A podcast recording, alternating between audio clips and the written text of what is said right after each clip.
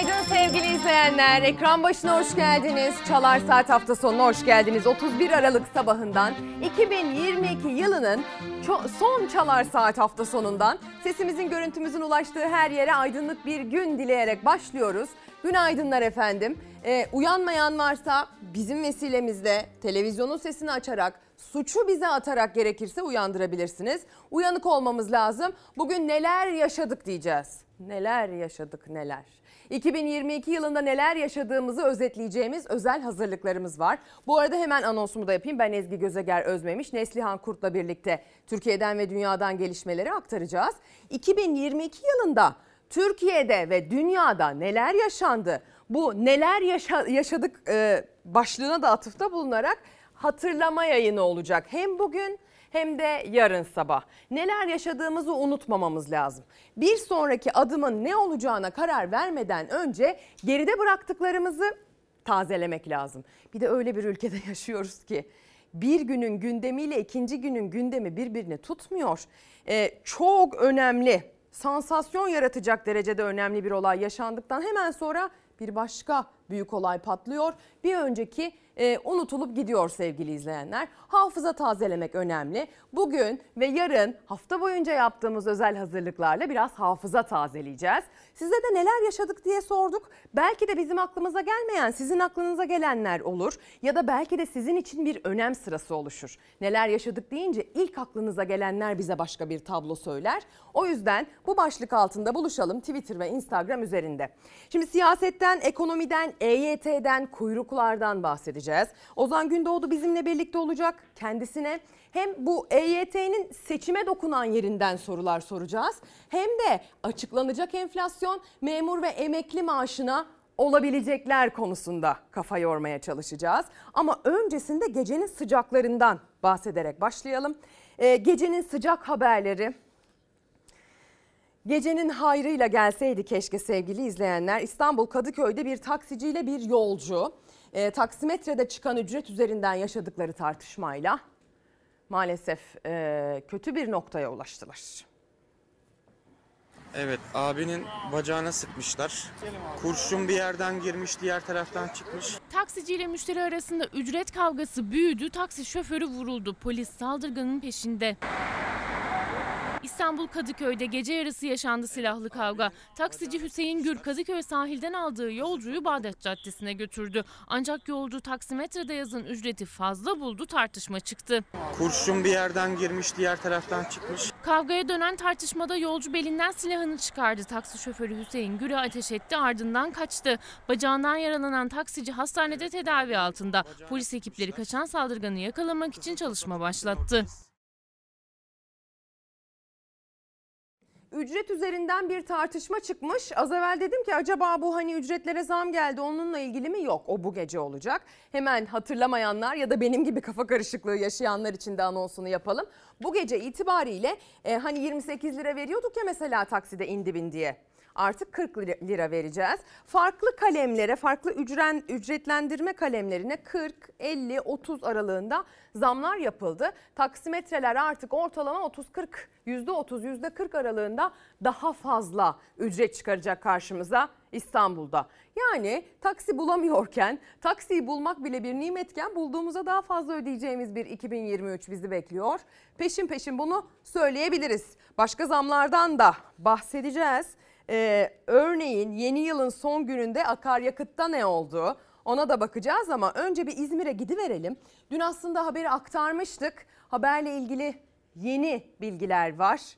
Ee, İzmir'deki o vinç devrilmesi meselesinde e, maalesef hayatını kaybedenlerin sayısı değişti sevgili izleyenler. Vinç faciası 4 ölü 2 kayıp deniyor. Bakın Korkusuz gazetesi konuyu ilk sayfadan aktarırken maalesef bu e, vefat eden kişilerle ilgili vereceğimiz bilgi değişti. İzmir Bornova'da inşaatı süren bir gökdelene ait vinç işçilerin kaldığı konteynerin üzerine düştü. 32 katlı bir rezidans inşaatında yaşandı kaza sevgili izleyenler. Vefat edenlerin sayısı 6'ya çıktı. Aman Allah'ım aman Allah'ım. Arabanın üstüne geldin mi arabanın Dur dur üstüne? dur dur dur dur dur dur. Bir otel inşaatında vinç koptu. 6 kişi hayatını kaybetti. Arama kurtarma çalışmaları tamamlandı. Şimdi kazanın nedeni araştırılıyor. Yemek yiyorduk. inanılır gibi değil. Koskoca bildiğiniz kat komple aşağı vinçle beraber çöktü.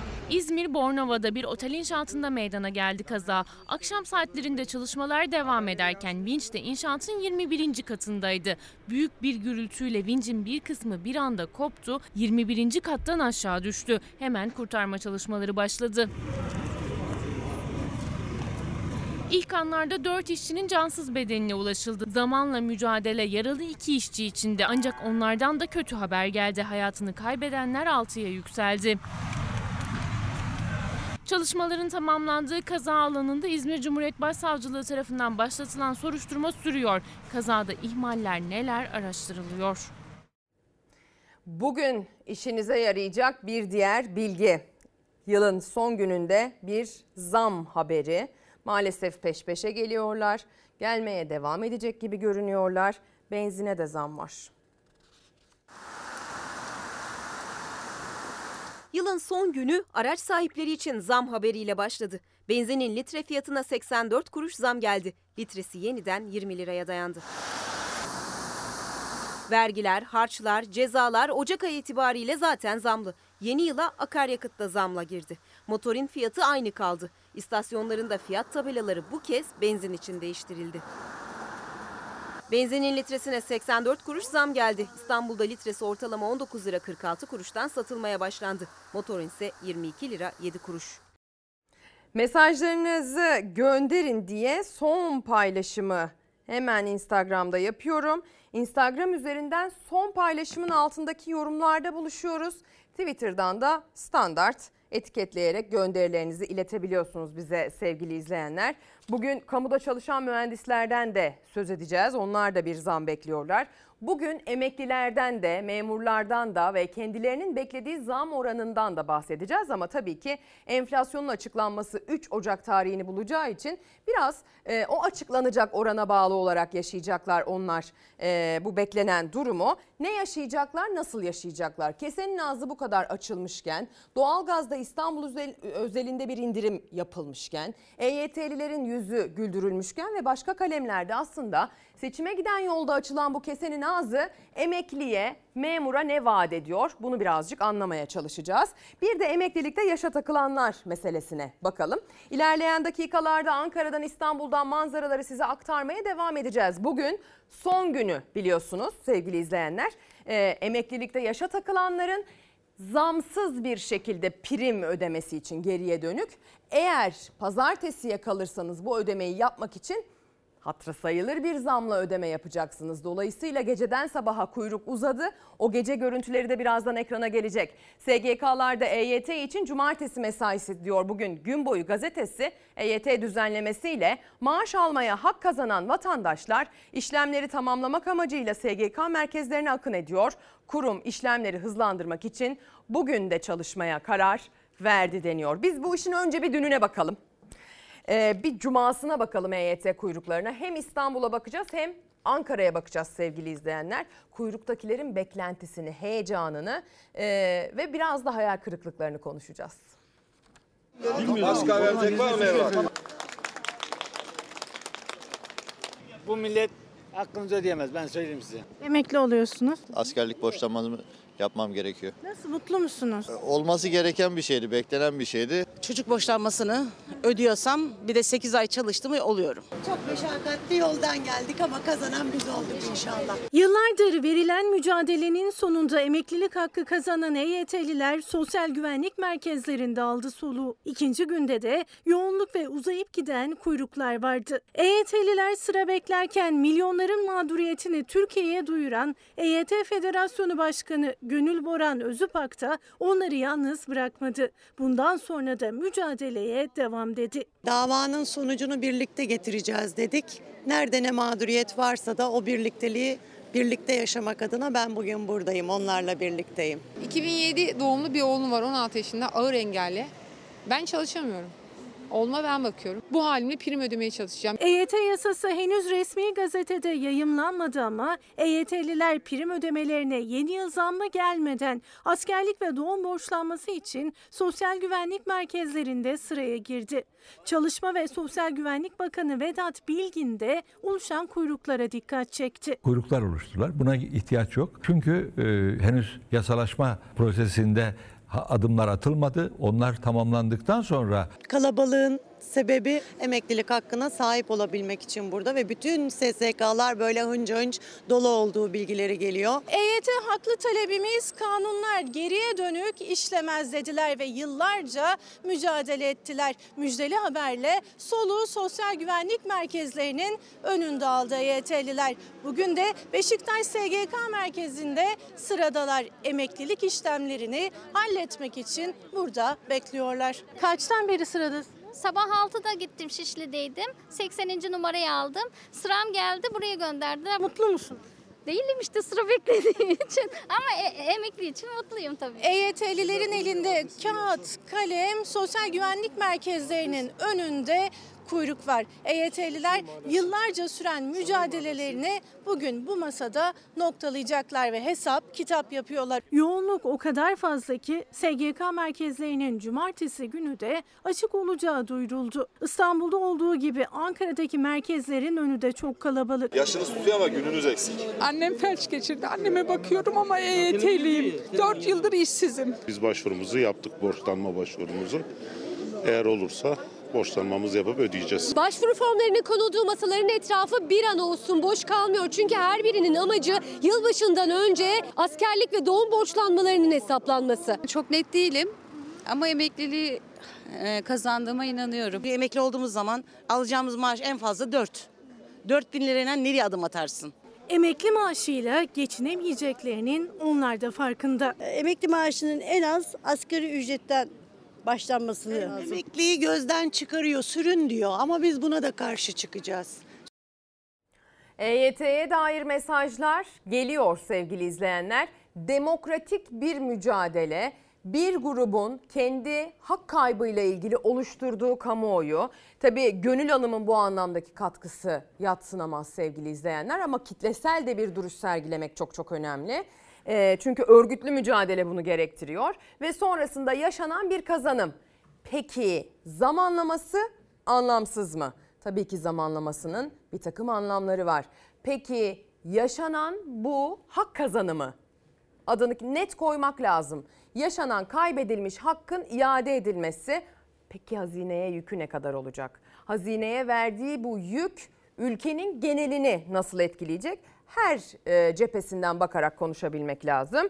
E, mesajlarınız gelmeye başladı. Günaydın Olimpos'tan selamlar. 2023 yılı huzur, sağlık ve mutluluk getirsin diyor Kadir Kaya. Olimpos'a selamlar. Bir diğer mesaj Melih Biçer Adana'dan iyi yayınlar demiş. Akdeniz bizimle birliktesiniz anlıyoruz günaydın. Hadi gelin neden bu kuyruklar dün az evvel izlediğiniz haberde ve bugün bu kadar yoğun? Çünkü arada ciddi bir fark var. Askerlik ve doğum borçlanma oranları 540 gün askerlik borcu bugün 37.271 lira. Pazartesi günü 57.645 lira sevgili izleyenler. 600 gün askerlik borcu 41 bin bugün, 64 bin yarın. Tek çocuk için doğum borcu 49 bin bugün neredeyse 40 50 bin hatta 76 bin pazartesi günü. İki çocuk için doğum borcu 99 bin bugün 153 bin pazartesi günü. Yurt dışı borçlanması 349 bin e, bugün itibariyle son kez 540 bin pazartesiden itibaren 2023 yılı yeniden değerleme oranı ile birlikte artanlar, zamlananlar, asgari ücrete gelen zam ne kadar rahatlattı bu rahatlık ne kadar sürer tahmininiz nedir? Neler yaşadık bu yıl ya? Neler yaşadık neler dedik ya hani bu sabah. Neler yaşandı başlığının altına siz de en çok etkilendiğiniz yerden yazıp yollayın lütfen. Şimdi 2022 yılına nasıl veda ediyoruz? 2023 yılına nasıl giriyoruz? Meteorolojik açıdan bu soruya cevap vermek gerekirse kurak ve yağışsız. Bakın günlerdir bu haritanın şekli şemali böyle. Sis, güneş, yağmur yok. Ve şu tarih itibariyle bizim en azından bir yerlerde bir miktar yağmurdan bahsediyor olmamız gerekmiyor mu? Bunun için meteoroloji mühendisliği okumaya, bunun için meteorolojik teknik eleman olmaya gerek yok sevgili izleyenler. Bunun için ilkokul bilgisi yeterli. Bunun için bu ülkede birkaç yıl yaşamış olmak dahi yeterli. Bakın günlerdir bu tablo böyle. Pazar gününün tablosuna geçtiğinizde çok değişik bir şey yok. Göster yönetmenin pazar gününün tablosunu. Bakın yine benzer bir manzara. Yağmurdan neredeyse eser yok. Yani neredeyse eser yok deme sebebimi de açıklayayım. Hani minik bir pay bırakmamı. İşte Doğu Karadeniz'in yaylaları, hani bulutların içinde olan yerler. Hafif belki nemlenebilir, hafif yağabilir. Doğu Anadolu bölgesinin zirveleri, en yüksek noktaları ya da Ege bölgesinin en güneybatısında belki en kıyı şeridi çok çok hafif bir yağış olabilir. Bunun haricinde yurtta yağıştan bahsetmek mümkün değil. Gece ve sabah saatlerinde sisli hava etkili. Keşke biraz yağmur olsa. Günlerdir, aylardır, haftalardır yağmurun düşmediği bölgeler var. Kuraklık başta çiftçiyi sonra hepimizi kötü etkiliyor. Geçen sene kar yükümüz güzeldi. Evvelki sene kar yağışlarımız güzeldi. Ama bu sene bir buçuk ay gecikme oldu kar yağışında. ciddi bir kuraklık yaşıyoruz. Maalesef barajlarımızda su seviyesinin oldukça düşük olduğunu görüyoruz. Ocak ayı geldi. Ne yağmur ne de kar düştü toprağa. Bir umut atılan tohumlar susuz kaldı. Çiftçi kuruyan toprak ıslansın diye yağmur duasına çıktı. Ama meteoroloji yeni yılın ilk haftasında da yurt genelinde yağmur yok diyor. Duamızı ettik hep beraber. Yaradana sığındık. Sularımızı, kaynaklarımızı geliştirecek olan, yeraltı su seviyelerini yukarıya çıkaracak olan yağışları ver ya Rabbi dedik hep beraber. Tabii zor bir yıl çiftçimizi bekliyor. Çünkü geçen yıl bereketli bir kış geçirmiştik. Bu yılda maalesef aksine yani hiç kış olmadan şu ana kadar yıl sonuna geldik. Ee, önümüzde bir Ocak Şubat ayı kaldı. 2020 ve 2021 verimli geçti Karamanlı çiftçiler için. Yağmurda, karda beklenilen zamanda beklenilen kadar yağdı. Ancak küresel ısınmaya bağlı olarak artan sıcaklıklar nedeniyle iklim değişiyor. Bu yıl kış beklenen gibi geçmedi. Çiftçi mecburen yeraltı sularını kullanmaya başladı. Çoğu yağmurla yağmadığından e, tohumların bozulma aşamasına geldiğini görüyoruz. Yeraltı sularımızın çekilmesi, barajlarımızın dolmaması ve kıraç arazilerde ekim yapan üreticilerimizin ciddi bir şekilde ürün kayıplarına neden olacağını düşünüyoruz. Konya Beyşehir'de de sıkıntının adı bir türlü düşmeyen yağmur ve kar. Göl kenarında bir araya gelen balıkçılar yağmur yağsın, su seviyesi yükselsin diye dua etti. Gölümüz kuruyor. Ya, ya, ka- e, yağan kara, yağmura ihtiyacımız var. Yurt genelinde yağmur ve kar yok bu hafta. Hatta birçok ilde yazdan kalma güneşli günler yaşanıyor. Sıcaklığın 13 derece ölçüldüğü Zonguldak'ta sahil güzel havanın tadını çıkaranlarla doldu. Antalya Alanya'da ise hava sıcaklığı 17, deniz suyu sıcaklığı 20 dereceydi. Yerli ve yabancı turistler Ocak ayına girmeye hazırlandığımız bu günlerde denize girmenin keyfini yaşadı. İlerleyen dakikalarda bu e, neler yaşadık başlığına e, biz de katkı sağlayacağız. Özellikle e, siyasette neler yaşadığımıza, ekonomide neler yaşadığımıza bakacağız sevgili izleyenler. 2022 yılı boyunca ekonomi başlığı altında en çok konuştuklarımız, siyaset başlığı altında en çok tartıştıklarımız uzun uzun birer belgesel niteliğinde karşınızda olacak. Yarına da buna dair özel hazırlıklarımız var. Yarın sabah da dünyada neler yaşandığına bakacağız. Yine Türkiye'ye ayrı bir parantez açıp mercek tutacağız. Yargı bağımsızlığıyla ilgili verdiğimiz sınav için de ayrı bir parantez açıyor olacağız sevgili izleyenler. Yarın itibariyle bir de tabii ki Cumhuriyet'in 100. yılına giriş yapıyor olduğumuzun da altını çizmek isteriz. Bunu da hatırlatmak isteriz efendim. 2022 yılında çok önemli isimleri de kaybettik biliyor musunuz? Çok çok önemli halka mal olmuş bu zamana kadar yüzümüzü güldürmüş gözümüzden yaş akıtmış gerek yaptığı işle gerek sanatıyla bize katkı sağlamış pek çok ismi kaybettik. Kimlerdi hatırlayamıyorsanız eğer biz size hatırlatacağız birazdan. Şimdi geçtiğimiz yılın en önemli olaylarından bir tanesiydi. Yüreğimizi yaktı Amasra'daki maden faciası. Yanlış hatırlamıyorsam Ekim ayı itibariyle karşımıza çıkan e, ve canımızı sıkan bir durumdu. 41 işçimizin canına mal oldu. Konuyla ilgili son bir video ortaya çıktı. Yeni bir gelişme var. Dava dosyasına girecek. Bakalım durumu nasıl etkileyecek? Başkanım bir dakika bir söz istiyorum. Bir dakika, bir dakika, bir dakika söz istiyorum. Arkadaşlar! Arkadaşlar bir dakika! Niye gittik kontrol etmediniz? Sizin temsilciniz var. Haftada bir gün giremiyor mu hocam? Adım adım yaklaşan facia öncesi o madende 41 arkadaşıyla birlikte can vereceğinden habersiz böyle haykırmıştı Murat Ergin. Karşısında sendika yetkilileri Ocak'taki denetimsizliğe isyan etmişti. Amasra faciasının adeta bağırarak geldiğini dava dosyasına giren bu video bir kez daha gözler önüne serdi. Aç aç aç aç aç aç. Bir işçi çıkartıldı bakın. Şu anda ambulansa aktarılıyor. Metan gazı seviyesi yüksekti. Havalandırma yetersizdi. İhtiyacın çok altında işçi çalıştırılıyordu. İşçilerin güvende olmadığını en son 2021 yılındaki raporda söyledi. Ama dikkate alınmadı uyarılar. Ve 14 Ekim günü o facia yaşandı. 42 madenci hayatını kaybetti.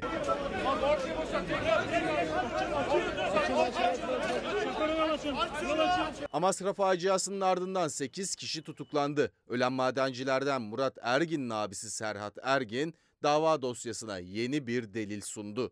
Arkadaşlar, işe gidecek arkadaşlara hayırlı işler diyorum.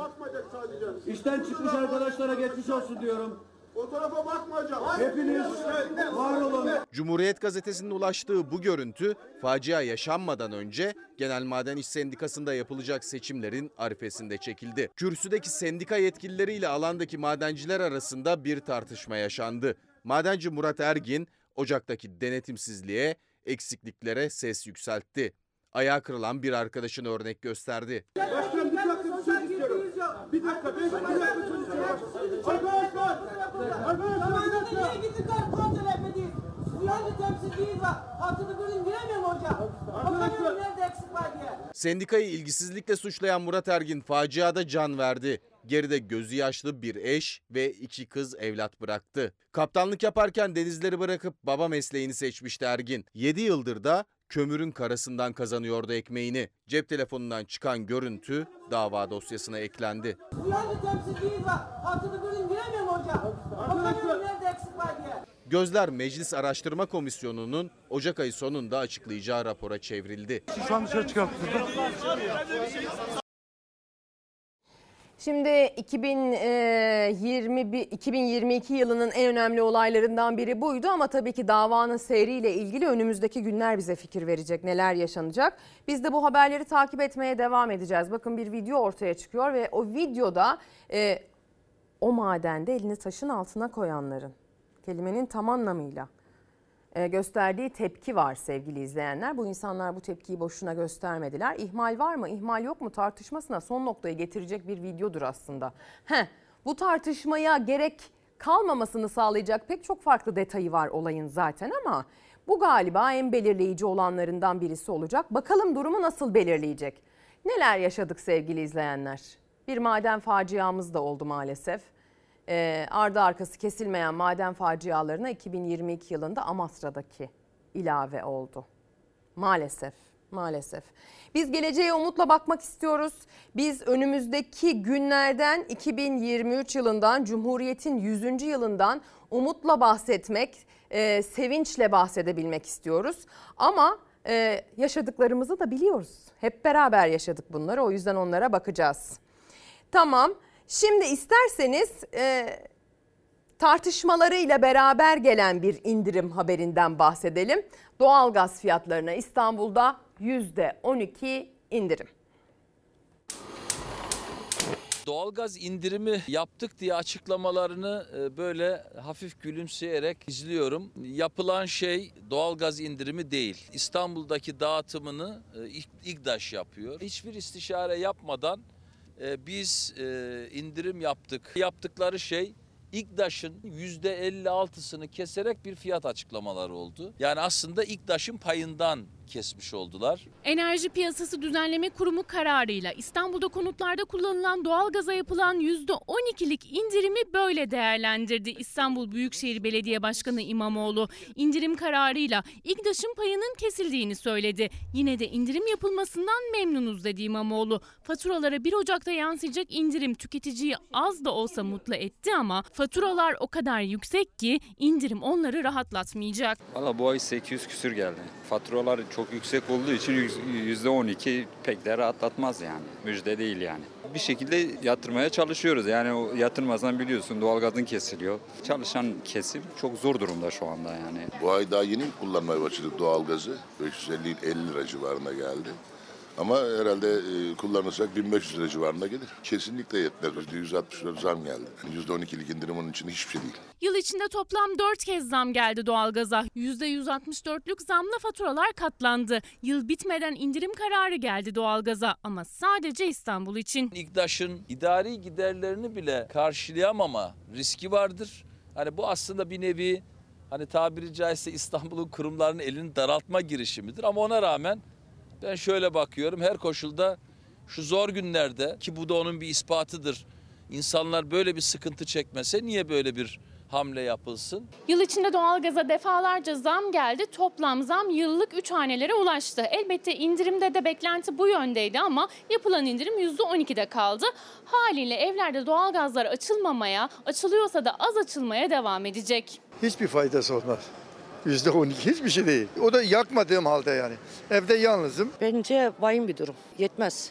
Emekliye, işçiye, tek maaşla geçinen insanlara kesinlikle yetmez. İstanbul'da %12'lik indirimle 1000 liralık doğalgaz faturası 880 liraya düşecek. Birçok tüketici faturalara yetişemediği için doğalgaz kullanmaktan vazgeçti. Kömür sobaları kuruldu fakat kömür de pahalı olunca o sobalar da yanmıyor. Küçük çocuğu olansa en fazla bir odasını ısıtıyor. İndirim yüksek olmasa da diğer şehirlerde neden uygulanmıyor sorusu akıllarda. Evin her tarafını değil de bir odayı mecburen yakıyoruz yani.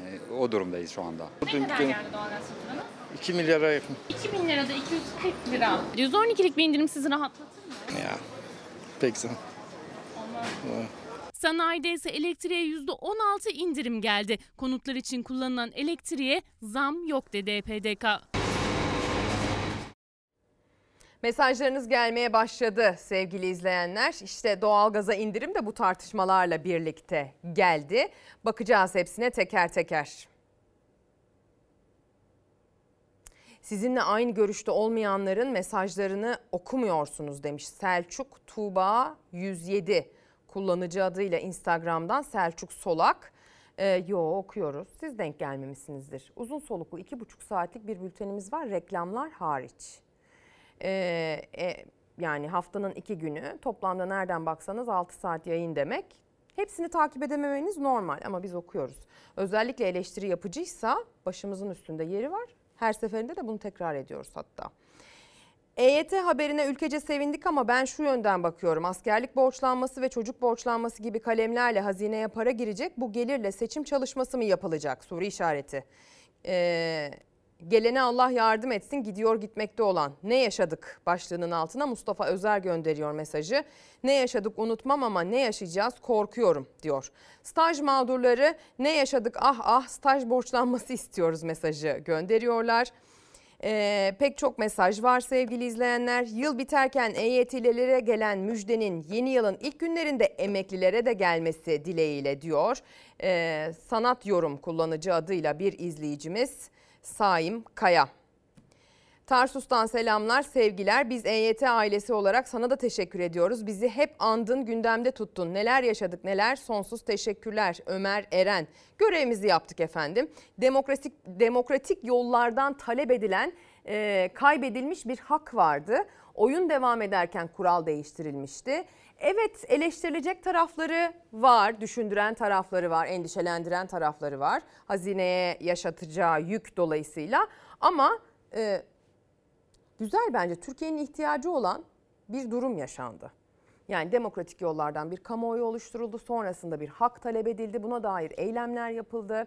Biz üzerimize düşeni yaptık. Siz örgütlü bir mücadele verdiniz ve bu bir kazanımla sonuçlandı. Bahanesi seçim olabilir, olmayabilir. Netice itibariyle sonuç alındı. Bizim bu anlamda sonuç alabildiğimizi görmeye ihtiyacımız var. Bu yönüyle de çok çok önemlidir. Şimdi bir FETÖ tartışması var. Sözcü gazetesi de ilk sayfadan karşılaştırmalı bir örnekle konuyu ele almış. Çataklı'nın kardeşi zora düşen Bankasya'yı kurtarmak için FETÖ'nün talimatıyla para yatırmış başlığını atıyor Sözcü gazetesi. Habere çifte standardı gösteren bir tabloyla birlikte de veriyor durumu. İçişleri Bakan Yardımcısı İsmail Çataklı'nın kardeşi Osman Çataklı'nın FETÖ'nün Bankasya'sında hesabının bulunduğu 2014'te FETÖ'nün talimatı sonrası para yatırdığı belirlendi. Dahası Osman Çataklı'nın FETÖ ile iltisaklı bir şirketin ortağı da olduğu ortaya çıktı. Bankasya'ya para yatıranlar bir bir hapse atılırken kardeş Çataklı'ya yıllardır dokunulmadı. Yukarıdaki örnekte ise Gülten Sayın isimli bir kadın ve 6 yaşındaki kanser tedavisi gören oğlunun fotoğrafını görüyorsunuz. Bu kişi de Bankasya'ya para yatırdığı için hapse atılmıştı. Hatta Haluk Levent e, kendisiyle ilgili e, bir kampanyada başlatmıştı. Annesiz yaşam savaşı verdiğini duyduğu e, an itibariyle bu iki farklı örneği kıyaslamalı olarak aktarıyor bugün Sözcü gazetesi. Şimdi isterseniz bu haberi bir izleyelim. Sonrasında esnaftan bahsedeceğiz. Osman Çataklı'nın Fethullah Gülen'in talimatıyla Bankasya'da yani terör örgütünün bankasında yoğun para hareketleri yaşandığı, Fethullah Gülen ve örgüte üye diğer kişilerin çeşitli basın, yayın ve sosyal paylaşım siteleri aracılığıyla örgüte finansal destek sağlamak amacıyla yapılan çağrılardan sonra artıran hesap olarak değerlendirilenler listesinde isminin geçtiği. İçişleri Bakan Yardımcısı İsmail Çataklı'nın kardeşi hakkında yeni iddialar. Gazeteci Tolga Şardan, Çataklı'nın FETÖ tartışmasıyla gündeme gelen kardeşinin Osman Çataklı olduğunu yazdı. Bankasya'da hesabının olduğu, FETÖ liderinin çağrısından sonra bankaya para yatıranlar listesinde adının geçtiğini Çataklı geldi ifade verdi demişti. Yılbaşı iznine geldi. Savcılığa ifadesini verdi. hangi tarihte, hangi savcılıkta ifadesi alındı? Sonra ne oldu? Tutuklaması talep edildi mi? Yoksa salı verildi mi?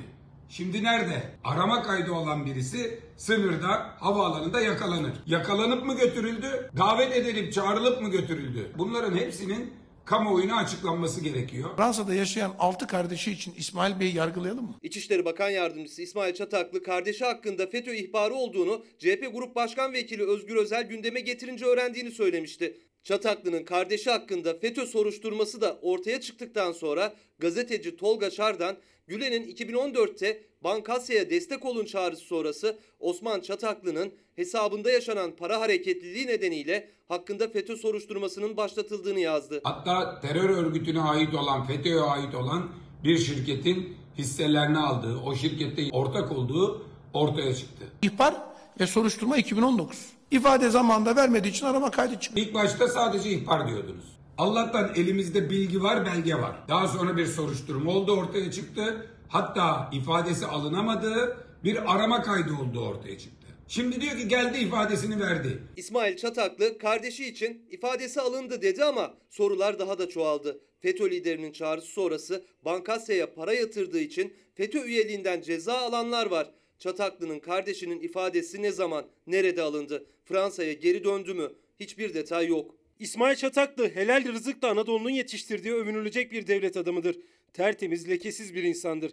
Devlete ve millete sadakatine şahidim. Allah ondan razı olsun. Sanırsınız İsmail Çataklı görevi bıraktı ya da görevden alındı. Bu da ondan helalleşiyor. Öyle Süleyman Soylu'nun kefil olmasıyla kimsenin masum olduğunu inanmayız. İçişleri Bakanı Süleyman Soylu Çataklı'ya bir kez daha arka çıktı ama hakkında FETÖ soruşturması olan kardeşi ne zaman nerede ifade verdi? Çataklı detay açıklamadı yeni günde de. Yeni iddialar karşısında da sessiz. Neler yaşadık başlığı attık ya Gülizar Biçer Karaca e, Denizli'den CHP Genel Başkan Yardımcısı başlığımıza bir katkıda bulunmuş. E, aslında benim sonraki haberlere sakladığım bir yorumu dile getiriyor o da. Benim de aklımda en çok bu konu başlığı kaldı. İlgili haberlere saklamıştım bu bilgiyi. E, yeri gelmişken okuyayım söyleyeyim. E, diyor ki Sayın Karaca 2022'de neler yaşadık deyince aklıma 6 yaşında açlıktan ölen çocuk geliyor. Okulda sucuğun kokusunu bari duyayım diye kantine gidip oturan çocuğumuz geliyor. 2023 tüm çocukların aç kalmadığı, doyduğu, tüm vatandaşlarımızın refaha ulaşacağı bir yıl olsun. Herkesin yeni yılı kutlu olsun diyor. Okurken dahi tüylerim diken diken oldu. Vallahi ne yalan söyleyeyim benim de en çok aklımda bu kaldı 2022'den. Çocukların bodurluğundan bahsettiğimiz, çocukların yeterince e, dengeli ve yeterli beslenemediği için anlama zorluğu çektiğinden bahsettiğimiz, arkadaşının e, dop dolu gelen beslenme çantasında canının çektiği bir yiyeceği isteyebilmek için saçındaki en sevdiği tokasını arkadaşına teklif eden e, çocuğun aklıma geldiğini hatırlatmak isterim ben de. Bu vesileyle kendisine de katkısından dolayı teşekkür edelim. Mesajlar geliyor. Ülke Ocakları Başkanı'nın e, Alparslan Bey bir mesaj göndermiş. Suikastiyle ilgili neden haber yapmıyorsunuz diye. Fox Ana Haber'i izlemediniz galiba. E, biz tabii ki böyle önemli bir durumu haberleştirdik. Ama işte böyle tamamını takip edemediğiniz için böyle bir takım sıkıntılar yaşanıyor. Sonra bana kızıyorsunuz yok yere. Tabii ki aktaracağız efendim. Neler yaşadık neler gariban ezilmeye devam ediyor. SSK 5000 gün Bağkur 9000 gün prim haksızlık değil mi diyor Seyit Ahmet gönderdiği mesajda. 2000 yılı sonrası için de EYT beklentisinde beklentisi içinde olan izleyicilerimiz ekran başında sevgili izleyenler. Herkese günaydın yeni yılınız kutlu olsun iyi yayınlar mesajları da geliyor. Ee, af verene oy var lütfen sesimizi duyurun mesajları da geliyor. Kolay gelsin iyi yayınlar Ezgi Hanım. Kitleri de gündeme alın mesajları geliyor. Hafta sonu sabahlarını sabırsızlıkla bekliyoruz diyen izleyicimiz Özden Akyol. Teşekkürler. Güzel bir yıl geçmedi. Hepimiz tarafından bu malum. EYT'yi aldık sayenizde. Şimdi sırada ehliyet affı beklentisi. Size güveniyorum. Başarılarınızın devamını diliyorum demiş. Örgütlü bir mücadele sonucunda alındı EYT. Medya mensupları konuyla ilgili üzerine düşeni yaptı. Ama asıl kimin sayesinde alındı? Örgütlü mücadele sayesinde alındı sevgili izleyenler. Şimdi yokluktan, açlıktan bahsettik. Bu yıl en çok konuştuğumuz konu başlığıydı ekonomi. Ee, yılbaşı geldi. Şimdi yılbaşında günü dışarıda geçirmek, geceyi dışarıda geçirmek, bir kutlama yapılacaksa bunu dışarıda yapmayı tercih etmek bir maliyet. Ağırlıklı olarak Türkiye'de genelde insanlar hep evinde kutlar. Dışarı çıkıp da e, bütçesini bu anlamda kullanabilen her zaman az olmuştur ama öyle zannediyorum ki bu yıl daha az. Bu yıl eve alışveriş bile daha az. Domatesin 30 lira olduğu, maydanozun 10 lira olduğu bir ülkede yaşamaya çalışıyoruz. Ne maliyetleri kurtarabiliyoruz, ne müşteriye cevap verebiliyoruz, ne de aldığımızı satabiliyoruz. Eskiden yılbaşlarda biz birer araba mal satırdık. Fiyatlar bağlanmış. Millet ne yesin ya? Patates olmuş 10 lira ya. Yılbaşı haftası satışların en fazla olduğu günlerdendi eskiden. Artık pazarlar bile kalabalık değil o eski günlerdeki gibi. Tüketici de esnaf da artan fiyatlardan dertli. Bu araç gidiş geliş Rize'ye 1000 lira yakıyor. Sadece yakıtını sayıyorum, maliyetlerini hariç sayıyorum. Gördüğünüz gibi 4 kişi çalışıyoruz. Manavımızı dolduracağız. Satış olacak mı? İmkansız. Top açtığımız gibi kapatacağız. 30 yıllık kasabım hiç bir yılda iki kere rayış alınmamıştı ete. Üç kere zam gelmemişti. Artvin'de esnaf yeni yıl nedeniyle haldeki fiyatların artışından ve bu nedenle satışların azalmasından şikayetçi. Abi yılbaşı diyene yarı yarıya sebzede mandalina, domates, biber, patlıcan, portakal, nar yarı yarıya kar koymuşlar abi. Yani bir mandalina kilosu 20 lira olunca vatandaş kaça yiyecek bunu? Hal yazmış 20 lira bunu. Yılbaşı geliyor diyene yarı yarıya zam koymuşlar. Biz ne yapacağız, nerede alacağız, ne yiyeceğiz, ne içeceğiz belli değil. Açız yani. İnsanlar mesela geliyor işte zam geldiği zaman tepki gösteriyorlar. Evet doğrudur. Yani eskisi gibi değil. Eskiden yılbaşından yılbaşına, aydan 3 aydan 3 aya, 5 aydan 5 aya çok cüzi miktarda zamlar gelirdi. Şimdi öyle değil. Zamlara insanlar artık e, hem insanlar yetişemiyor hem biz insanlara e, laf söylemekten usandık artık yani. Esnaf satışlar düşük diyor. Öyle ki birçoğu bir önceki sevkiyatta aldığı ürünleri bile satamamış hala. Geçen yılların aksine pazarlarda, kasaplarda, manavlarda bu yıl beklenen kalabalıklar yok. Yılbaşı için et almaya geldim. Ama maalesef daha önceki yıllarda kilolarla almış olduğumuz eti şimdi gramla anca alabiliyoruz. Yılbaşı sanki yılbaşı haftası değilmiş gibi. Yani baktığımız zaman pazarda bile insanlar gayet az, alışverişi de düşük.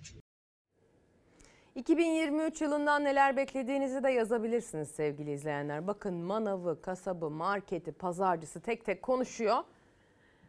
Durum ortada. Zaten yaşadığımız, tecrübe ettiğimiz bir durum aslına bakarsanız. Sadece başka kanallarda çokça göremediğiniz e, serzenişleri bu ekranda bulma şansınız oluyor. Yaşadıklarınıza aslında eşlik eden insanların olduğunu görme şansınız oluyor bu ekrandan takip ettiğiniz zaman. 2023 yılı ile ilgili beklentimiz tabii ki öncelikle başta çocuklar olmak üzere kimsenin e, gıdasından kısmak zorunda kalmadığı, refah seviyesinin yükseldiği, ekonomik sıkıntıları geride bıraktığı bir yıl olması. 2023 yılına dair bir diğer beklenti ise uzaya gitmekle alakalıydı. Cumhurbaşkanı Erdoğan duyurmuştu. Milli ve özgün bir hibrit roketle sert iniş yapılacak Ay'a diye. Ben şahsen kesin gözüyle bakıyordum. Sizi bilmiyorum. Gidemiyormuşuz. İlk aşamada 2023 yılı sonunda yakın dünya yörüngesinde ateşleyeceğimiz kendi milli ve özgün hibrit roketimizle Ay'a ulaşarak sert iniş gerçekleştireceğiz. Sayın Bakanım ateşlemeye hazırız. 2022-2030 yılları arasında Ay'a insanlı erişim gibi bir hedef bulunmamaktadır. Cumhurbaşkanı gideceğiz diyor, bakan gitmeyeceğiz diyor. Hangisine inanacağımızı şaşırdık. Cumhurbaşkanı Erdoğan'ın 2021 Şubat ayında verdiği sözü Aralık 2022'de Bakan Mustafa Varank yalanladı. 2023'te Ay'a gidiş yok dedi. Şu anda uzayı görüyorum ve bambaşka görüyoruz. Uzayda olacağız. Gökyüzüne bak, ayı gör. Türkiye'nin uzay programı Şubat 2021'de açıklandı. Cumhurbaşkanı Erdoğan hedef 2023 dedi. 2023 yılında Ay'da Türk bayrağının dalgalanacağı müjdesini verdi. En önemli hedefimiz Cumhuriyetimizin 100. yılında Ay'a ilk teması gerçekleştirmektir. İnşallah Ay'a gidiyoruz. Ondan geriye kim sayacak? Ben sayıyorum Sayın Bakan. Hep beraber sayalım. Seçilen Türk uzay yolcusunun gerekli eğitimlerini tamamladıktan sonra 2023 yılının ikinci yarısında bilimsel araştırma yapmak için Ay'a değil uluslararası uzay istasyonuna gönderilmesi planlanmaktadır. CHP milletvekili Ömer Fethi Gürer'in soru önergesine Sanayi ve Teknoloji Bakanı Mustafa Varank'ın yanıtı. Cumhurbaşkanının dediği gibi 2023'te Ay'a gidiş yok dedi bakan. 2030'a kadar da planlanmadığını söyledi. Kendi milli ve özgün hibrit roketimizle Ay'a ulaşarak sert iniş gerçekleştireceğiz. 2022-2030 yılları arasında Ay'a insanlı erişim gibi bir hedef bulunmamaktadır. Kamuoyunda algı yaratılıyor, şaşalı toplantılar düzenleniyor, onlar için milyonlar harcanıyor. Sonradan da Ay'a gidecek misiniz deyince böyle bir program yok deniyor. Sayın Bakanım ateşlemeye hazırız. Cumhurbaşkanına kötü haber Bakan Mustafa Varank'tan geldi. 2023 yılında Ay'a gidiş ertelendi. Kısmet bu işler. Kısmet. Neyse ben büyük bir hayal kırıklığı yaşadım şahsen. Sizi bilmiyorum. Lara Su Geniş kullanıcı adıyla genç bir arkadaşım ekran başında Kütahya'dan selamlarını iletmiş. Neler yaşadık başlığının altına. Zor bir yıl geçirdik maalesef. Her şey kolay unutulmuyor. Özellikle 11. sınıf ve dil öğrencisi olarak yapılan zamlardan çok şikayetçiyim diyor. Yabancı dil kitap alışverişiyle ilgili olabilir bu serzeniş gibi geldi bana. Ee, umarım her şey en kısa zamanda düzelir. Fox TV ailesinin de yeni yılını kutlarım demiş kendisi. Çok çok teşekkürler. Adalet krizi ve ekonomik kriz en büyük yaşandı bu yıl diyor. Ekrem İmamoğlu bunun en büyük örneğidir diyor. Adem Yiğit, Doğan. Siyasette neler yaşadık? Ekonomide en çok neleri konuştuk, neler yaşadık? Yargı bağımsızlığıyla ilgili verdiğimiz sınavlar nelerdi? Alınan hangi yargı kararları neden bu kadar çok konuşuldu şeklinde başka bir dosyamız. Kimleri kaybettik? 2022 yılında dünyada neler yaşandı? Savaş çıktı 2022'de sevgili izleyenler. Biliyorsunuz Rusya Ukrayna'yı işgale başladı bildiğiniz sıcak savaş başladı yani 2022 yılında düşünebiliyor musunuz? Buna dair haberlerimizi ilerleyen dakikalarda size aktaracağız. Promosyondan vazgeçmeyin diyenler var. Siz vazgeçmeyin biz haberlerini zaten yapıyoruz. Akbaba'yı vurdular efendim. Bilim insanlarının koruma altına aldığı Akbaba'yı vurdular. Neden? Bilmiyorum yani. Bir sebep de gerekmiyor galiba. Ayağındaki asıl bilezik numarası. Bilim insanlarının verici takıp izleme altına aldığı Akbaba Türkiye'de öldürüldü. Bin kilometre uçan Akbaba Çatalca'da vuruldu. Bulgaristan'da bilim insanları 14 kara Akbaba'yı koruma programına aldı. Geçtiğimiz ay uydu verici takıp izlemeye başladılar. Amaç bu türün tekrar üreyen bir tür haline gelmesini sağlamaktı. Bu önemli adımda bir Akbaba öldü. GPS aldım abicim. Bıçak yoktu. Arda adı verilen Kara Akbaba'da olumsuz sinyal almaya başladı yetkililer. Türkiye'deki ekiplerden yardım istediler. Aranan Akbaba Çatalca'da vurulmuş halde bulundu. Yetkililer daha duyarlı olunması için çağrı yaptı. Bu arada resmi gazetede yayımlanan yeni atama kararları var. Cumhurbaşkanı Recep Tayyip Erdoğan imzasıyla e, Sayıştay Savcılığına yeni bir atama var. Recep Çevik kişisel verilerin koruma kurulu üyeliklerine e, Fa- Faruk Bilir ve Şaban Baba seçildi. Söz konusu atamalar 3 sayılı Cumhurbaşkanlığı kararnamesinin 2, 3 ve 7. maddeleri gereğince gerçekleştirildi. Bu da taze bir bilgidir. Şimdi reklam sonra hem özel hazırlıklar hem de Ozan Gündoğdu'yla devam. Günaydın sevgili izleyenler. Ekran başına bir kez daha hoş geldiniz. 31 Aralık sabahından 2022 yılının son Çalar Saat hafta sonu yayınından günaydın dileklerimizi iletiyoruz. Kim bizi duyuyor, dinliyorsa, kim bizi görüyor, izliyorsa sevgili izleyenler. Ee, Ozan Gündoğdu sözü verdik. Geliyor kendisi. Mikrofonu takıldı. Hazır. Aktarmam gereken haberler var. Bir tüp patlaması yaşanmıştı biliyorsunuz Aydın'da, Nazilli'de konuyla ilgili gelişmeler var. Onu aktararak başlayalım. Korkusuz gazetesi de tüp, tüp faciası başlığı altında konuyu ilk sayfadan aktarmış. 2022 uğurlarken acı haberle yıkıldık diyor. Hadi gidelim Nazilli'ye. Anne çocuklar kaldı orada ya. Allah- Allah'ım sen koru ya Rabbim. İki katlı restoran küle döndü. Tüpler sokağa saçıldı. Aydın Nazilli'de bir restoranda meydana gelen patlamada 7 kişi hayatını kaybetti. Biri ağır 5 kişi yaralandı. Yani bir anda olduğu için hiçbir şeyin farkında değildik. Biz kendimizi zor attık dışarıya. tüp e, değişimi sırasında oluşan bir patlama neticesi biri ağır, 5 yaralımız söz konusu. E, Maalesef 7 vatandaşımız da yaşamını kaybetti. Aydın'ın Nazilli ilçesinin en işlek noktası olan Uzun Çarşı'da bir restorandan büyük bir patlama sesi duyuldu. Restoranın mutfak bölümünde tüp değişimi sırasında oldu patlama. Patlama sonrası yangın çıktı. Öğle yemeği vaktiydi. İçerisi kalabalıktı. Çalışanın ilk beyanı var. E, Tüpten bir koku geldiği, hatta tüple ilgili bir yetkili kişinin de gelerek bunu değiştirme noktasında Bölgeye çok sayıda itfaiye ve sağlık ekibi sevk edildi. İtfaiye yangını söndürürken yaralılar hastanelere taşındı. Aydın valisi 7 kişinin patlamada hayatını kaybettiğini, biri ağır 5 kişinin de yaralandığını duyurdu. Olay yeri incelememiz ve itfaiyemiz de bütün boyutlarıyla konuyu inceleyecek. Ama ilk tespitlerimize göre maalesef tüpten kaynaklı bir patlama olduğunu ifade edebilirim. Patlama sırasında içeride bulunan iki kişinin ise restoranın ikinci katından atlayıp kurtulduğu ortaya çıktı. Patlamayla ilgili Adalet Bakanlığı bir kişinin gözaltına alındığını açıkladı. Mesajlar geliyor. Ee, sigorta başlangıcı ile ilgili staj mağdurlarının mesajları gelmeye devam ediyor. Bir de ekran başında e, sözleşmeli mühendisler şöyle söyleyeyim kamuda çalışan mühendisler var. Kamuda çalışan mühendisler özetle şöyle söylüyorlar. 2011'de diyor Ayşenur Hanım gönderdiği mesajda işe başladığımda 4,5 asgari ücret alıyordum.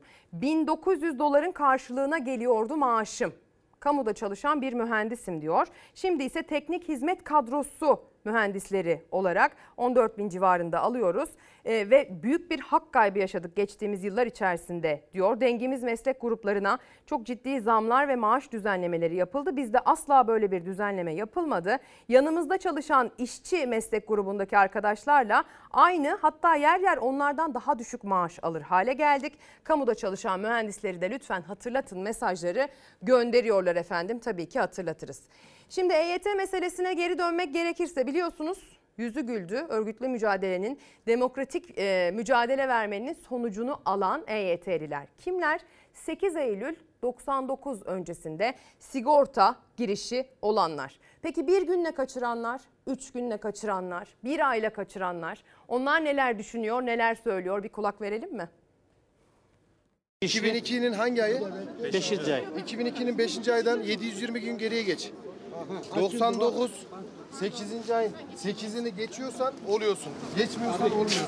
Sizin geçiyor mu peki? Uymuyor herhalde. Bir bakacak. Kaç, kaçıncı ay? 5. ay 2002. 5-6 ayını kaçırdım. Normalde 99. 8 Eylül ya. Normalde 5000 prim gün sayısı 8 Eylül'de 5000, 9 Eylül'de 7000 gün olacak. 5 yıl 6 ay 20 gün daha fazla çalışması gerekecek. Bir günden dolayı 2000 gün daha fazla çalışması gerekecek. 8 Eylül 99 yılı öncesinde sigortası başlayan 2 milyon 250 bin kişinin yüzü güldü ama emekliliği bir günle bile kaçıranlar var. Yani 9 Eylül 1999'da sigortası başlayanlar. O bir gün için 2000 gün fazla çalışmaları gerekecek. Prim günü dolduktan sonra 15 yıl daha yaşı beklemeleri. 8 Eylül 99 sonrası sigortası başlayanlar için yeni bir düzenleme yapılabilir mi? Herkese eşit bir kademeyle ortak bir emeklilik yaşı belirlenmesi gerekir mi? Bence gerekir. Sanki kıl payı kaçırdınız Evet gibi mi? sanki 5-6 ayda kaçırdım. Ne dediler size?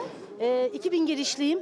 Bir tane çocuktan dolayı borçlanma yapamıyorum. 12 yıl daha bekleyeceğim 60 olursa. EYT düzenlemesinden 8 Eylül 99'dan önce kadınlarda 20, erkeklerde ise 25 yıl hizmet süresini ve 5000 prim günü tamamlamış olanlar emekliliğe hak kazandı. Ama 9 Eylül ve sonrası için durum değişiyor. Kadınlar 58 yaş, erkekler 60 yaşında emekli olabiliyor. Tabi prim sayısı da 7000 olması gerekiyor. 1 Mayıs 2008 sonrası işe başlayanlar içinse emeklilik yaşı 65. İki ay eksik diyorlar. iki ayla kaybediyorsun diyorlar. Üzülüyorum. 7800 primim var. İki ayla kaybedersem çok üzülürüm tabii. 60 yaşında olacağım öyle olduğu zaman. Şu anda 44 yaşındayım. 16 sene daha. Yasa otorite çıktı. Evet. Yani belli haksızlığa uğrayan o değil. Bir gün sonra işe başladığı zaman yasa tanımlamış. Ne zaman emekli olursun, ne kadar prim. O bilerek giriyor. O artık bitmiş o iş. Vallahi 6 günde falan bir şey oldu herhalde. 6 gün. Evet. Bu durumda ne olacak? Yaş 50. 3-4 yıl. Daha bekleyecek. Tabii. Çalışma Bakanı Vedat Bilgin 8 Eylül 99 sonrasında sigortası başlayanlar için yapacak bir şey yok dedi. Ama SGK uzmanı Özgür Erdursun adaletsizlik olduğunun da altını çizdi. 9 Eylül 99 ve sonrasında sigortası başlayanlar için düzenleme gerektiğini söyledi. Ya bir kademe getirerek herkesi ortak bir noktada buluşturacaksınız ya da çalıştıkça prim ödendikçe o kişilerin ileride beklemelerine değecek bir emekli aylığı vereceksiniz. Bir seneyle kaybeden var, 6 ayla kaybeden var, 3 ayla kaybeden var. Yani çok adaletsizlik bir şey oldu yani. Bir günden kaçırdım, iki günde kay- öyle bir şey yok. Bu bir edebiyat. EYT'den yararlanamayan çalışanlar için eşit kademeli ortak emeklilik yaşı düzenlemesi yapılır mı? Bakan böyle bir düzenleme yok dedi. Söz verdiğimiz gibi Ozan Gündoğdu Fox Haber siyaset ve ekonomi yorumcusu stüdyomuzda her cumartesi olduğu gibi. Günaydın. Günaydın Ezgi. Hoş geldin. Hoş Nasılsın? bulduk. İyi sen nasılsın? İyi. Yılı kapatıyoruz Evet, birlikte. bitiyor. Bitiyor. Bu E- e- EYT meselesini seninle konuşalım istedim. Hı hı, Bir de aynı zamanda e, memur ve emeklilerin zam beklentisini seninle konuşalım istedim. İstersen EYT'den başlayalım. Şimdi bilmeyenler için ben duyurusunu yapmış olayım sevgili izleyenler. E, müzik dinleyebildiğiniz, podcast dinleyebildiğiniz bütün dijital platformlarda e, Ozan Gündoğdu'nun her hafta bir tane olmak kaydıyla iki aşağı tane. yukarı e, bir podcast serisi var yayınlanıyor. E, Ben Ozan'ın son podcastinin başlığındaki e, cümleyi alacağım. İlk sorum o olacak Ozan Gündoğdu'ya. EYT düzenlemesi iktidarın verdiği bir sus payı mı Ozan Gündoğdu? Şöyle sus payı deyince ne anlamalıyız? Sus payının arka planda ne var? Şu var.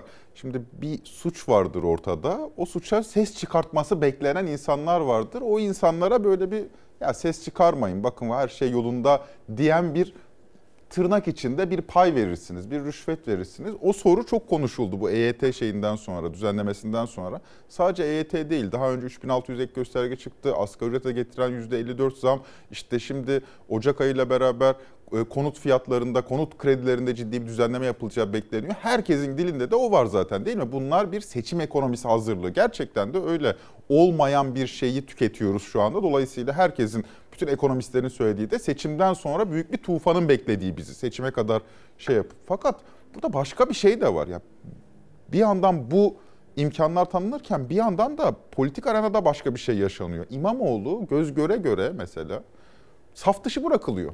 Buna ben Türkiye'nin 85 milyon insan tümünün buna "Ya hukukidir, bu doğrudur dediğini düşünmüyorum. Mesela daha dün ortaya çıktı gerekçeli karar. Gerekçeli karara bakıyorsunuz anlaşılıyor ki gerekçeli kararda daha önce İmamoğlu'nun ifadesi olan ahmak sözü yüzünden ceza alan Türkiye'de kimse yok. Yani şimdi ilk defa Ekrem İmamoğlu bu bunu dedi diye hakaretten ceza almış.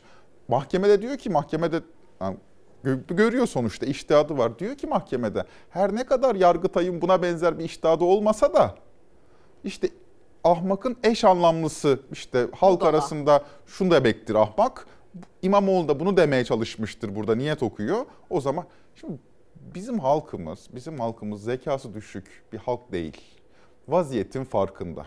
Şimdi vaziyetin farkında olup da içine sindirebilir mi insan bunu? Sindiremez değil mi? Yani insanın doğası gereği bunu içine sindiremez. O halde içine sindirmesi için, bu durumu içine sindirmesi için ekonomik imkanları arttırması bekleniyor.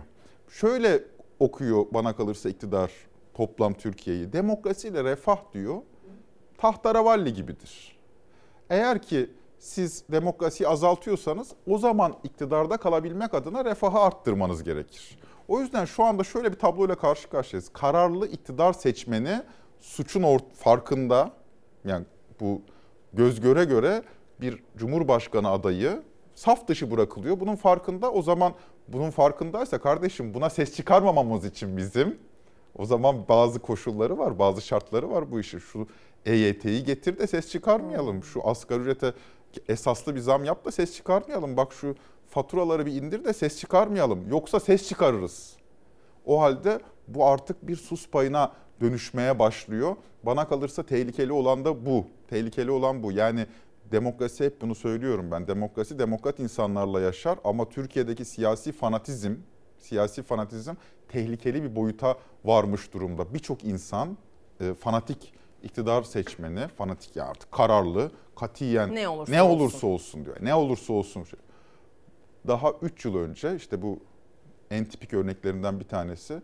Daha 3 yıl önce Demokrat Parti Genel Başkan Yardımcısı İlay Aksoy Twitter'dan geçen önüme düştü. Twitter'dan şey yazmış yani rejim ordusu demeyin Suriye ordusu deyin. Suriye ile sorunlarımızın çözümü diplomasidir diye bir tweet atmış.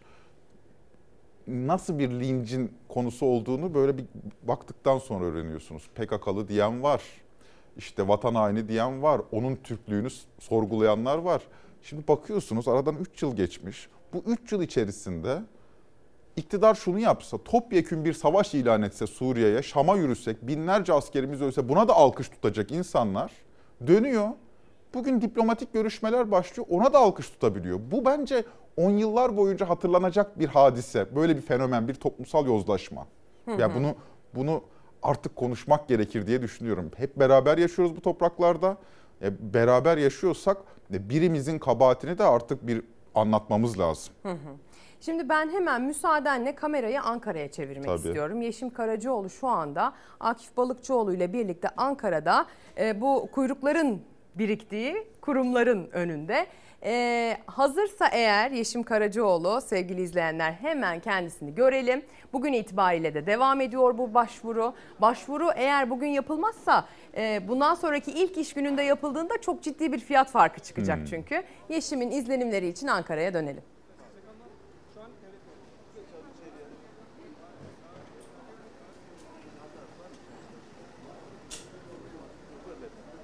Yeşim beni duyuyor mu arkadaşlar?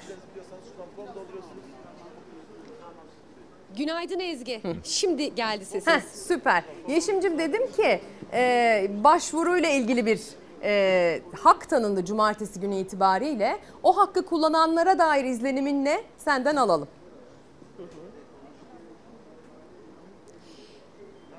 Öncelikle burası Ankara'da 23 başvuru noktasından yalnızca biri. Biz burada günlerdir en yoğun kalabalıkları, kuyrukları görüntüledik. Bugün bakıldığı zaman hatta size de şöyle göstermek istiyorum sayı biraz ama az ama herkesin amacı aynı. Burada herkes başvuru dilekçesini doldurduktan sonra müracaat için içeriye geçiyorlar ve kurum içerisinde işlemleri başlıyor. Evet dediğim gibi burası doğum ve askerlik borçlanmasının yapıldığı noktalardan biri. Bugün çok önemli çünkü bugün e, başvurular yapıldı yapıldı. Evet yeni yıldan sonra da başvurular devam edecek ama zamlı bir tarife bekleyecek onları. İşte zamdan etkilenmemek için de SGK il müdürlüklerine geliyor vatandaşlar. Çünkü rakamlar öyle çok az değil oldukça farklar olacaklar. Şimdi örnek vermek de istiyorum bir taraftan. 540 gün askerlik borçlanması yapan bugün 37 bin lira borçlanırken yeni yıldan sonra 57 bin liralık bir rakamla karşı karşıya kalabilirler. İşte bu yüzden günlerce çabaladılar kadar bir mücadele verdiler. O uzun kuyruklarda sıralara girdiler ve başvurularını yaptılar.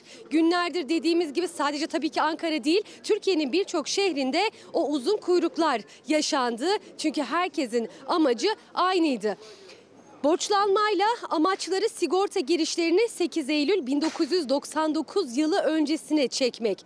2 Ocak pazartesiye kadar başvurularını yaparlarsa bugünkü tarifeden borçlanacaklar ve o tarihten sonra başvuranlar ne kadar peki bir e, fiyat farkıyla karşılaşacaklar, karşılaşacaklar. Asgari ücrete yapılan zam kadar bir zam gelecek. Yani %54,6 dolayısıyla SGK'ya ulaşmak için günlerce sıra beklediler. Şu anda kameraman arkadaşım Akif Balıkçıoğlu'nun size göstermiş olduğu bu masanın etrafı günlerce doldu taştı. Dediğim gibi son güne kadar da başvurular devam ediyor. Çünkü bugün e, e, Sosyal Güvenlik Kurumu cumartesi günü mesai yapacağını açıklamıştı. O yüzden vatandaşların bir kısmı da hafta sonuna kaldı. Gördüğünüz gibi dilekçeler var bu masada. Her biri şöyle boşlardan boş, boş olanlardan göstermek istiyorum. Bu dilekçeyi dolduruyorlar ve kurumdaki görevlilere teslim ediyorlar. Gördüğünüz gibi aslında çok hummalı da bir çalışma var. Böyle yakından da göstermek isterim size. Efendim e, zannediyorum sizler de günlerce, aylarca, yıllarca beklediniz EYT'yi. Nasıl bir duygu? Vallahi işte e, emekli abilerimiz, büyüklerimiz mesela hani bu duygu çok güzel bir duygu oldu ama biz daha yaşamadık. İnşallah yaşayacağız. Bilmiyoruz yani. Yaşımız genç. Askerlik borçlanması Evet. için mi geldi? Evet, asker borç. Sizin hesabınıza göre şu anda ne kadar ödeyeceksiniz? Yaptınız mı bir hesap kitap? Hiç yapmadım. 120 gün borçlanmam var. Eksiğim var. 120 gün hiç bilmiş hesap kitapta yapmadım yani. Peki son bir soru nasıl ödeyeceksiniz? Bir meblağ çıkacak karşınıza. Evet. Ya bunu işte mümkün olduğu kadar e, cebimizden veya banka kredisiyle işte bir şeyler yapacağız. Aslında birçok vatandaşa mikrofon uzattığımızda dün de bir öncesi günde aslında aynı şeyleri söylemişti. Çünkü e, az bir meblağ çıkmayacak karşılarına ve bunları ödemek için de e, işte bir bütçeye sahip olmaları gerekiyor. Çoğu kredi çekeceklerini söylediler. Hatta işte emekli aylıkları bağlandığı zaman da krediyi ödeme noktasında işte o aylıklarıyla aslında karşılık buldurmaya çalışacaklar. E, Dediğim gibi burada herkes günlerdir çok ciddi bir mücadele verdi. Ama şunu da söylemek istiyorum. Sosyal Güvenlik Kurumu içerisinde çalışan personeller de öyle günlerce çok ciddi, çok hummalı bir çalışmada bulundu. Hatta e, önemli bir detay dikkatimi çekmişti. Bugün burada görmüş olduğunuz güvenlik görevlileri de adeta bir SGK uzmanı gibi vatandaşları yönlendirmeye hep çalıştı. Çok ciddi hesaplamalar yaptı. Başvuru dilekçelerini doldurmalarına yardımcı olmaya çalıştılar. Ve dediğim gibi yeni yılı işte zamlardan etkilenmemek için buraya gelen vatandaşların işte çabasıyla belki bugün yine noktalayacağız. Dediğim gibi sayı az ama işte aslında bir anda arkamı döndüğümde de bakıyorum sayı da artıyor. Çünkü bir gecede 2 milyon 250 bin kişi olarak arttı emekli sayısı. İşte Ankara'da bu yoğunluğun bir e, büyük bir çoğunluğunu kaldırıyor. Gün içerisinde elbette buraya gelen, başvurusunu yapmaya çalışan vatandaşlardan da izlenimlerimizi almaya devam edeceğiz ama şimdilik aktaracaklarımız bu kadar. Teşekkür ederim Ee, Yeşim Karacaoğlu ve Akif Balıkçıoğlu'na teşekkür ederim sevgili izleyenler. Hayırlı uğurlu olsun diyelim. Orada çalışan, emek veren memurlar, artık birer SGK uzmanına dönüşmüş güvenlik görevlileri sorulan sorulara cevap vermekten hepsinin de konuyla ilgili emeği var. Şahıslara, kişilere 2 milyon 250 bin kişiye, ailelerine hayırlı olsun, vatana millete de hayırlı uğurlu olsun aslında öyle değil mi? Tabii. Şimdi oradan devam edelim istersen Ozan. Ee, diyorlar ki çalışan bir kişiye bir emekli düşecek bundan sonra. Bu ekonomik olarak önemli bir gösterge. Gidişat o. Yani şu an itibariyle EYT çıkmadan önceki verilerle söyleyeyim. Bir çalışana 1.8 1.8 çalışana bir emekli düşüyordu. Şimdi emekli sayısı artınca bu gidecek. Şöyle bir tabloyla karşı karşıyayız. Şimdi bu zamana kadar şahsen ben konuşmayı tercih etmedim. EYT'lilerin hak mücadelesi vardı. O kampanyalarına zarar vermek istemedim. Ama artık konuşmak lazım. Ama sorunu bir şey çözüldü. söyleyeceğim. Konuşalım evet Tabii. ama şunun da hakkını vermek gerekmiyor mu? Bizim demokratik olarak bir hakkın örgütlü mücadeleyle kazanıldığını görmeye de ihtiyacımız tabii. var değil mi? Aynen yani öyle. Bunu yaşadık aslında. Bu güzel bir şey. 2019'dan 2018'den itibaren hele ki memlekette toplumsal muhalefetin bu kadar baskı altına alındığı, sokağa çıkmanın neredeyse yasaklandığı bir dönemde bu kişiler gerçekten çok ciddi dirayet gösterdiler ve haklarını aldılar. İki şey söylenebilir burada hazır buraya konu gelmişken. Şimdi bakıyorum çok büyük bir sosyal medya kampanyasının öznesiydi EYT'liler. Valla açıkçası kırgınım yani. Her mesajın altına yüzlerce EYT'li yazardı. Arazi oldular 2-3 gündür. Öyle olmaz. yok öyle yok olmaz. az önce bir iki teşekkür geldi bana Aynen. ben okudum. Teşekkürü geçtim. Şimdi başkaca mücadele eden insanlar var. Artık Evet. onlara destek vermek lazım. Yani hep bana hep bana olur mu? Bir onu söylemem lazım yani. O içimde uhde kaldı onu söyle. İkincisi şimdi sosyal güvenlik sistemini artık konuşmak lazım. Sıkıntı şu. Türkiye çok uzun yıllar köylü bir toplumdu. Köyde yaşayan bir toplumdu. Bunu şu yüzden söylüyorum. Nüfus artış hızı uzun yıllar yüksekti. Hı hı. Ancak kentteyken nüfus artış hızı düşüyor. Bu bütün ve fenomen yani. Sonuçta kentte bir apartman dairesinin içine sığındığınız zaman 6-7 tane çocuk yapamıyorsunuz değil mi? Nüfus artış hızı düşünce Türkiye'nin ortalama yaşı büyümeye başladı. Bak 2002 yılında 23 yaşmış ortalama yaş ve 1920'lerden 30'lardan bu yana 20'li yaşlarını korudu hep Türkiye nüfusu. Fakat 2000'li yıllardan itibaren kente göçün tamamlanmasıyla beraber yaş ortalaması giderek büyüyor ve şu anda 33 yaş ortalamamız.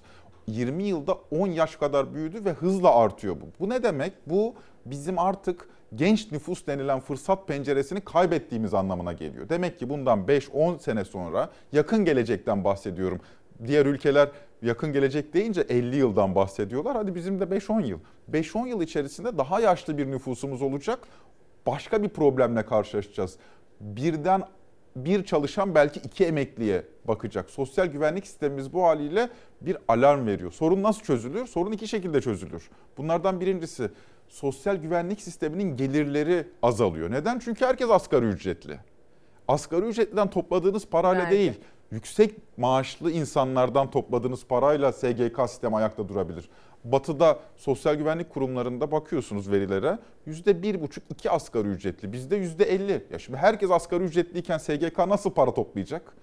Yüksek maaşlı insanlar olmalı ki orta sınıf güçlü olmalı ki SGK güçlü olsun. İkincisi ya denetim de zayıf. %30'u iş gücünün %30'u kayıt dışı. Yani sosyal güvenlik kurumuna hiçbir geliri hiçbir gideri yok. Sosyal güvenlik kurumuna bir katkısı olmuyor. Bu iki sorunu acilen çözmezsek eğer şu olacak. Bir süre sonra emekliye maaş artışı talep ettiğimiz zaman bir kısım insan diyecek ki SGK'da para yok. SGK'nın açığı, an itibariyle SGK'nın açığı bir bana kalırsa bir milli güvenlik krizi haline gelmiş durumda. Ben bunu çok söylüyorum.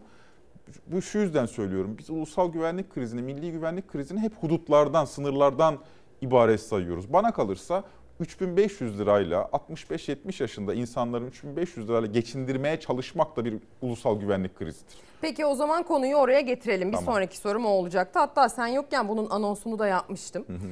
Ee, memurların, emeklilerin beklediği bir maaş zammı var. Evet. 3 Ocak itibariyle salı günü açıklanacak Aralık ayı enflasyonu. Yıllık enflasyon üzerinden emekliye memura bir zam oranı belirlenecek. Baz etkisi var. Evet. Ee, baz etkisi geçtiğimiz ay Kasım ayı enflasyonunda sadece bir puanlık düşüşe sebep oldu. Ama şimdi sen öyle öngörüyorsun ki daha fazla bir düşüş yaşanacak ve ortaya çıkan yıllık enflasyon üzerinden yapılan zam vatandaşın aslında e, fiyatlarda gördüğü zamları karşılamayacak Evet. diyorsun. Şu şimdi Aralık ayında enflasyon devam ediyor. Yani fiyat artışı devam ediyor diyelim. Baz etkisi yıllık enflasyonu bağlıyor. Aylık enflasyona etkisi yok. Yani an itibariyle aylık enflasyon etkisi yok. Aylık enflasyon %3 kadar geldiği takdirde sözleşmeye göre 2022 başında memur ve emekliler için memur senin imzaladığı sözleşmeye göre %18 kadar 17,5-18,5 arasında %18 kadar zam alacaklar emekli ve memur. %18 kadar zam aldıkları varsayımı altında söylüyorum bunu. Ortalama emekli memur, ortalama emekli işçi, ortalama emekli esnaf asgari ücretin artık altında bir maaş alacak. Ortalama diyorum. En az e, emekli aylığı da 3500 liradan yaklaşık 4500 liraya çıkacak ki bu da asgari ücretin neredeyse yarısı demek. 2002 ile kıyaslayalım. Bundan Hı hı. 20 sene öncesiyle kıyaslayalım. Ortalama memur, emek, memur emeklisi, ortalama esnaf emeklisi ve ortalama işçi emeklisi. Üçü de asgari ücretten daha yüksek maaş alıyordu. En kötüsü ortalama esnaf emeklisi asgari ücretin %50 üzerindeydi. Şimdi çok ciddi bir erime söz konusu 20 yılda emekli maaşlarında.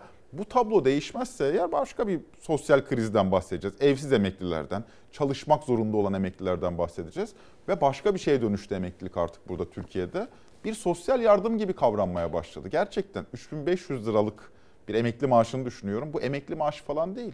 Bu insanın yaşlılık döneminde yaşayacağı bir para değil. Bu bir sosyal yardım. Bu artık Türkiye'de bu haliyle yaşlılık bir engellilik gibi, bir yardıma muhtaçlık gibi kavranıyor. Huzur içinde yaşanması için bir imkan sunmuyor maalesef Halbuki bu ülkemiz. insanlar bu ülkeye emek verdiler. Yıllarca dirsek çürüttüler. hak olarak görülmüyor. Bu- Ha, evet yani o vurgun çok doğru. Yani bu insanlar sonuç itibariyle emeklerini harcadıkları dönem boyunca, çalıştıkları dönem boyunca sigorta yatırdılar ve o sigortanın karşılığını almak istiyorlar. ve onu da alamıyorlar. Bu kriz, bu kriz biz önümüzdeki yıllarda ben yıllardır bunu söylüyorum yani biz önümüzdeki yıllarda yaşlı krizini çok konuşacağız. Yaşlanan bir nüfusumuz var ve geleceği görmeyen iktidarlar tarafından yönetildik çok uzun zamandır. Yani sadece bugünkü iktidar değil. 80'li yıllara gidelim, 90'lı yıllara gidelim. Böyle bir perspektif, böyle bir planlama kabiliyeti hiçbir zaman olmadı.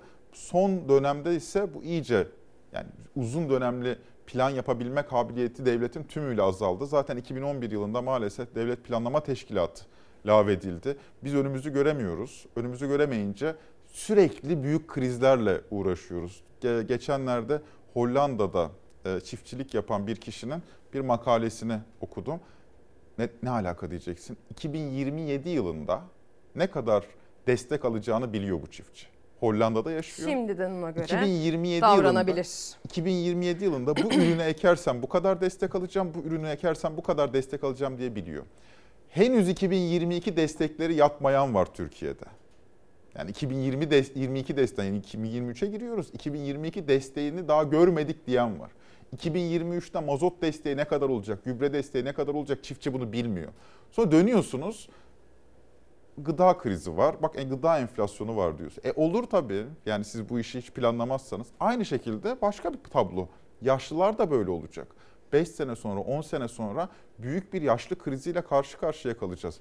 65, 70, 75 yaşında insanlar çalışmak zorunda kalacaklar. Ki aslında şu anda da benzer bir manzara var. Bu artacak diyorsun. Bu artacak, artacak. Daha kötüsünü söyleyeyim. Ben kendi kuşağım için söyleyeyim. Yani bugün 30'lu, 40'lı, 50'li yaşlar için bu, bu, bu yaş grubunda olanlar ev alamayacaklar, ev alamıyorlar. Çalışanlara ev alamıyorlarsa emekliliklerinde kiracı olacaklar. Şimdi bu emeklilik sisteminin, bu emeklilik maaşı düzeyinin devam ettiğini düşünelim.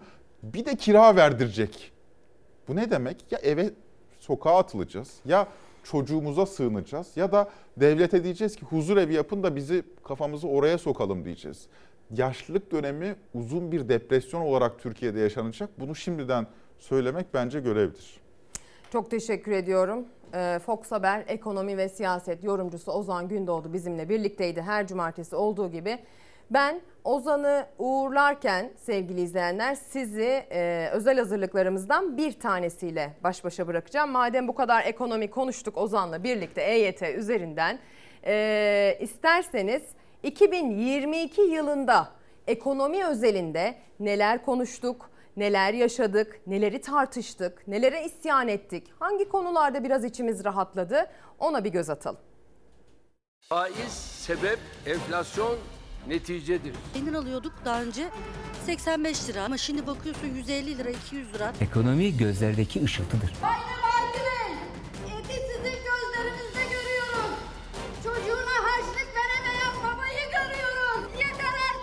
Türkiye 2022 yılına her şey çok pahalı diye isyan ederek girdi. Yıl boyunca en bilinen internet arama motoruna Türkiye en çok dolar kurunu sordu. Uzmanlar kurda fiyatlar da artmaya devam edecek dedi. Dedikleri gibi oldu. Her tarafı gezdim, kalem fiyatlarına baktım cebimde 10 lira param var evden dışarı çıkmıyorum bir su almayayım diye gerçekten çıkmıyorum. Düşünüyorum kara kara düşünüyorum evde ağlıyorum diyorum ki ben kantinde ne yiyeceğim?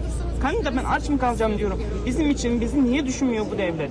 Süt içmiyorlar, yumurta yemiyorlar, sebze yiyemiyorlar. Alamadıktan sonra ben bu çocukları beslemedikten sonra ben ne- keşke olmasaymışlar diyecek şeye geldim artık. Asgari ücretin 3 misli zam yapıyorlar. Ne zam gelsin asgari ücrete ne de fiyatlar zamlansın. Bunların kafası basmaz. Ben ekonomistim. Dolar kuru 2022 yılının ilk iş gününde 14 lira seviyesindeydi. Gün gün arttı. Bazı günler 19 lira seviyesini zorladı. 18 lira seviyesine demirledi son aylarda. Şimdilik. Türk lirası şu anda en zayıf durumda. Yani gideceği bir yer yok bir kere. Yani vatandaş rahat etsin. Rahat olsun. Hazine ve Maliye Bakanı Nurettin Nebati 2022 yılının Mart ayında Türk lirasının en düşük değeri gördüğünü rahat olun diyerek açıkladığı sırada 14 lira 80 kuruştu dolar. Türk lirası irtifa kaybetmeye o tarihten sonra da devam etti. Göreve geldikten kısa bir süre sonra ekonomi gözlerdeki ışıltıdır diyerek tepki çeken Bakan Nebati, rahat olun dedi ama rahatlatmaktan çok kızdırdı sanki. Gözlerime bakar mısınız? Ne görüyorsunuz? Ekonomi rakam işi. Ekonomi temenni işi. Ekonomi güven işi.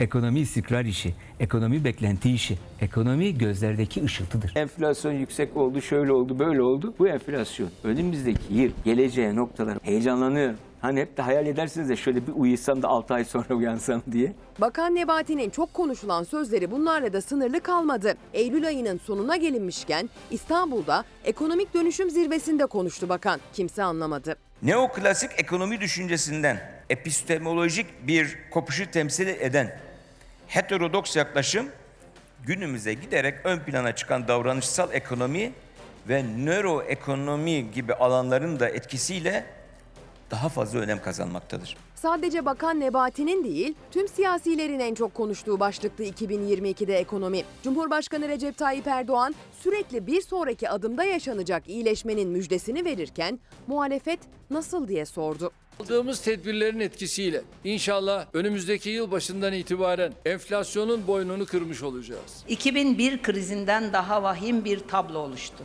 Yani Sayın Erdoğan her zaman olduğu gibi bir kez daha zamanında en çok kınadığı şeyin ta kendisi oldu. Diyor ya ekonominin kitabını yazdım. İşte yazdığı ekonomi kitabı budur. Faiz sebep, enflasyon neticedir. Bu da benim tezim. Cumhurbaşkanı Erdoğan'ın 2022 yılında kulaklarda en çok çınlayan sözüydü bu. Bu iktidarın 2022 yılı ekonomi politikasının da özeti niteliğindeydi. Merkez Bankası ilk 7 ay faizi %14'te sabit tuttu 2022'de. Ağustos itibariyle faiz tekrar inişe geçti, %9'a kadar geriledi. Rekor kıran resmi enflasyon oranları dahi vatandaşın hissettiği fiyat artışlarını yakalayamadı. TÜİK istediğini açıklasın. Bu market geçen sene de vardı burada, bu sene de var burada. Vatandaşın yaşadığı enflasyonla açıklanan resmi enflasyon birbirini tutmadı. Yıl sonu yaklaşırken enflasyonda düşüş müjdeleri sıklaştı. İşin uzmanları düşüş öngördü ama baz etkisi dedi adına. Zamlar durmayacak, sadece yavaşlayacak dediler. Ancak baz etkisiyle yaşanması beklenen düşüş de bir puanla sınırlı kaldı. Merkez Bankası'nın faizini düşürmesini ben hiçbir parti görmüyorum. Ekonomide bunun pahalılıkla orantılı olarak e, tam tersi orantı yükseldiğini görüyoruz biz. Markete gidiyoruz, alamıyoruz. Pazara, pazara geliyoruz, alamıyoruz. Biber çıkmış, ne bileyim işte patlıcan her şey var ama her şey çok pahalı. 2021'i %36 enflasyonla kapattı Türkiye. 2022 Ocak'ta %48, Şubat'ta %54, Mart'ta 61, Nisan'da 70, Mayıs'ta 73, Haziran'da 78, Temmuz'da 79,6 oldu enflasyon oranı. Ağustos, Eylül ve Ekim aylarında %80, 83 ve 85 diyerek arttı. Kasım ayında baz etkisiyle sadece 1 puan düşerek %84'e geriledi.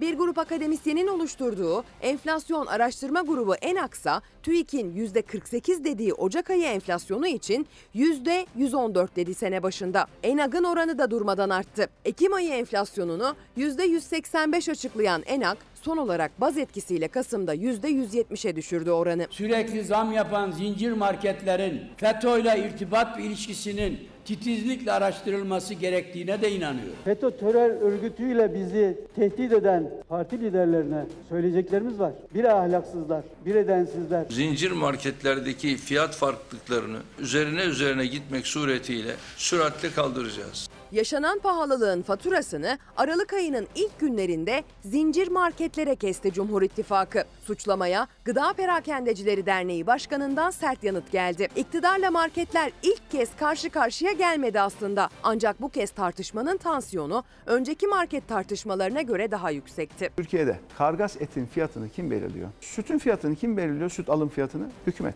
Bunların hepsine zam gelmiş durumda ama marketler o fiyata sattığı zaman da vay marketler düşman. Türkiye'yi kim yönetme yetkisine sahipse sorumlu olan onlardır. 128 milyar doları yakacak, üstüne 100 milyar dolar daha buhar edecek. Memlekete giren döviz kuru baskılamak için kara deliklere atılacak ama raftaki fiş bütün bu cinayetlerin sorumlusu olacak. 2021 Aralık'ta hayatımıza giren kur korumalı mevduat hesabı ilk günlerde dolar kurunu düşürdü. Ancak düşük seyir uzun sürmedi. Kur garantili milli paradan bahsediyoruz. Ama bunu hazmedemiyorlar. KKM sisteme parasını sokanı korudu ama lirayı değer kaybetmekten koruyamadı. İlk etapta 18 liradan 11 lira seviyesine birden düştü dolar kuru. Ancak yeniden 18 lira seviyesine tırmandı. 2022 boyunca 40 milyar lira ayrılan KKM'nin Mart-Ekim 2022 döneminde hazineye resmi yükü 91,6 milyar liraya ulaştı. Merkez Bankası'nın kur farkı için ne kadar ödeme yaptığıysa son aylarda açıklanmadı. En kötü senaryoda bile hazineye bir yük gelmiyor. 91,6 milyar lira destek ödemesi gerçekleştirmiş bulunmaktayız. Asgari ücretle çalışan bir veliyim. Sizce her şeyi alabilir miyim? Günlük 20 lira harçlık vermek lazım. Ben şu anda askeri ücretle çalışıyorum. Çocuklar açlıktan bayılıyor okullarda şu anda. Duyuyor musunuz, görüyor musunuz? Bu yalan değil, bizim uydurduğumuz bir şey değil. Öğretmenler diyor bunu. Aç ve susuz olan çocuklarımıza bir öğün yemeği de dikkate alacak biçimde bir bütçe ayrılmasının sağlanmasıdır. Yıl boyunca en çok içimizi yakan konulardan biri çocukların dengeli ve yeterli beslenememesi oldu. Muhalefet partileri teker teker teklif sundu meclise. Çocuklar beslenemiyor diyerek getirilen tüm araştırma önergeleri ve yasa teklifleri iktidarın milletvekilleri tarafından reddedildi. Çocuklar açlıktan baygınlık geçirebilecek bir ortama nasıl feda ediliyor? Gündem 2022 yılında günden güne hatta saatten saate değişti. Ama merkezde her zaman ekonomi vardı. 2023 yılı içinde en çok konuşacağımız konunun ekonomi olacağını söylemek için uzman olmaya gerek yok gibi görünüyor. Asgari ücrete zam geldi. Marketler üzerinden tartışma büyüdü sevgili izleyenler. Pek çok ekonomi başlığı altında pek çok tartışma yaşandı. Yaşadığımız durum e, değişmedi. Sürekli etiketler e, ateşi artar vaziyette yükseldi, zamlandı ve e, maalesef ekonomik olarak çok zor- zorlandığımız ve müthiş daraldığımız bir yılı geride bıraktık. Bunu hep beraber yaşadık. Kim ne kadar para kazanırsa kazansın herkes bunu yaşadı. He. Parasına para katanlar olmadı mı? Oldu. Kur korumalı mevduat hesabıyla e, kurdaki değişimden etkilenmeyenler örneğin e, kaybetmediler hatta üzerine kazandılar diyebiliriz. E ne oldu sonra? Lüks satış ürünlerinde ciddi artışlar oldu. Kimse bunun neden olduğunu anlayamadı. Alışveriş merkezlerinde en pahalı ürünlerin satıldığı böyle 10 bin liralık 20 bin liralık parçalardan bahsediyorum. Kıyafetten ayakkabıdan bahsediyorum. Buna benzer mağazalar önünde kuyruklar oluştu. Kimse bu kuyruğun nereden geldiğini algılayamadı. Ekonomik anlamda kitleler arasındaki uçurum derinleşti, arttı. 2022 yılında ekonomik gelişmelerden aklında en çok ne kaldı? Canını en çok ne sıktı? Seni en çok ne üzdü diye sorarsanız çocukların açlığı üzdü açıkçası.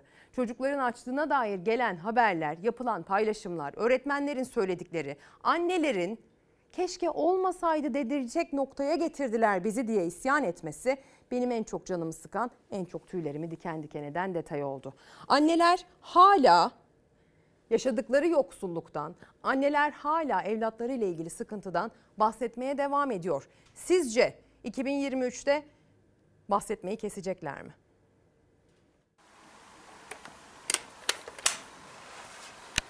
Hı. 25 yıllık evliliğim var. Evim, barkım, gelirim hiçbir şeyim yok. Elektriğim, suyum hiçbir şeyim yok. Çaresiz bir şekilde bekliyorum.